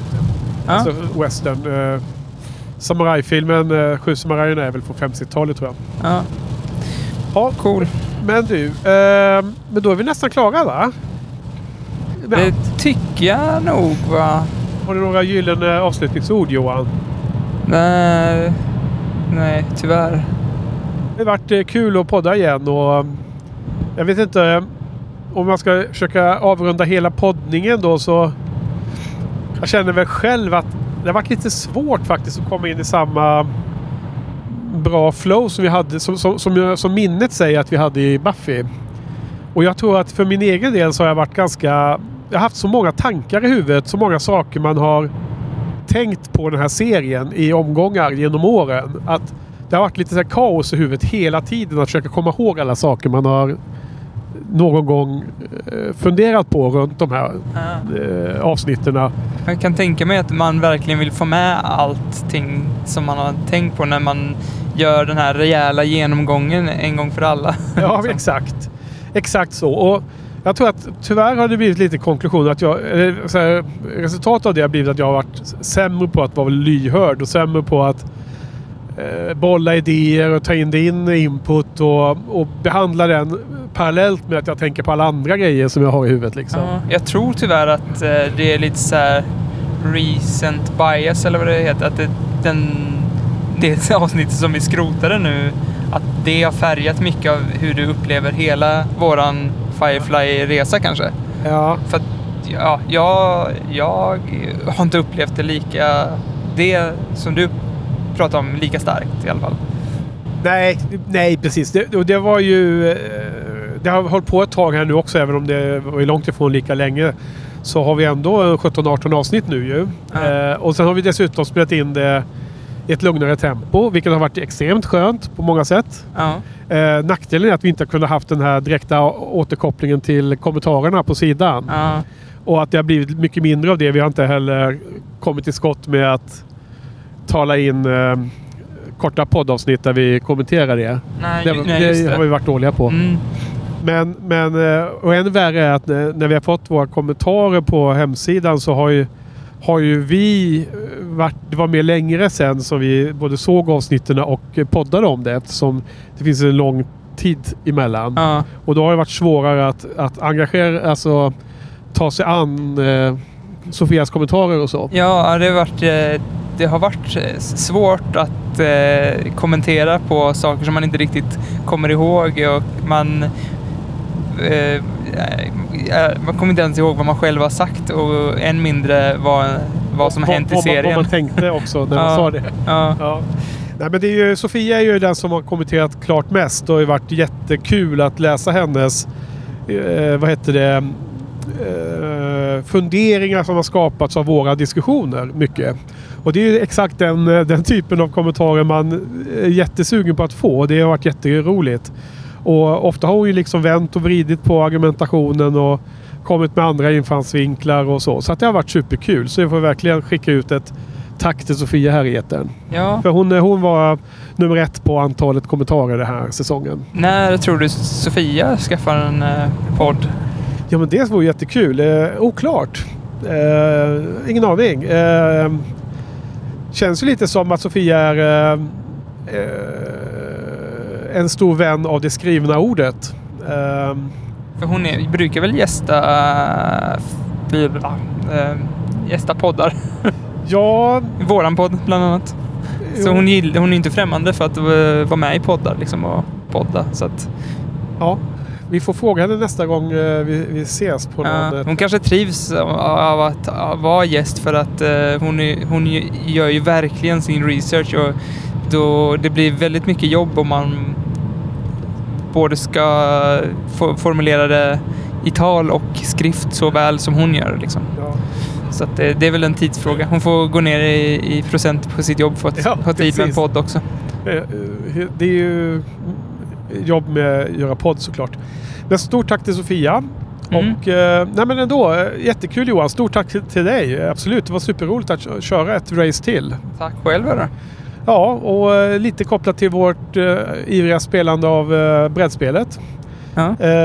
Så, så kul att få göra den här poddningen hyfsat i samband med att vi ändå hade det färskt i minnet. Ja, Mm. och vi borde ju spela lite, lite till i alla fall. Absolut, vi ska spela mer. Och sen ska vi ju spela det andra, andra brädspelet som har kommit från samma firma. Det som är eh, kooperativspelet som vi inte har prövat ännu. Mm. Det, det har jag ju hemma nu. Det har varit lite referenser till serietidningarna. Lite grann i och för sig, men inte, inte så jättemycket. Nej, men eh, i alla fall inte inget. Så det är lite Ja, kul. Ja. Jetwash där bland annat. Eh, Ja. Och det var väl det ungefär. Kanske något mer. Eh, Men det hade varit roligt med att få Bea som en expansion eh, till exempel. Ja, jag tror att du har eh, fattat tycke för henne mer än vad jag ännu. Men eh, jag ser fram emot att läsa mer om henne i något format. Ja, det var nog mest att det var hennes namn jag kommer ihåg bäst. Ja. Jag kommer inte ihåg eh, vad bovarna hette där. Men, men hela det, de nya karaktärsarket hade varit roligt att ha med som en, eh, eh, som en expansion till något spel. Ja, på tal om det som vi kanske inte nämnde de här två sista långa storiesarna där den här Iris som är som River. När, när hon sen kommer på, på de, goda sida då, då är det flera tillfällen som Iris och River slåss tillsammans. Typ Ja. rygg mot rygg och de är världens eh, så här, dödligt team där ihop. Och det är också en sån här kul extra dimension som inte alls fanns med i tv-serien. Mm, Att River har någon som är mer lik henne med i gänget. mm, Och inte får vara så himla annorlunda. Helt ensam. ja. Mm. Ja, Okej, men du. Eh, fasen, då är vi klara Johan. Kadaver på vägen. Ja, nu var det en död djur där. Det var synd. Eh, tråkigt att avsluta trå- podden tråkigt det. för, den, för det djuret. Ja. Eh, Men i alla fall, eh, vad säger så? Tack Johan. Tack Henke. Tack Joss. Tack för Tack för oss. oss. Uselt. Tajmat. Tack för oss. Rätt bra. Ja, det var ganska bra. Nu stänger vi av igen. Bye, bye.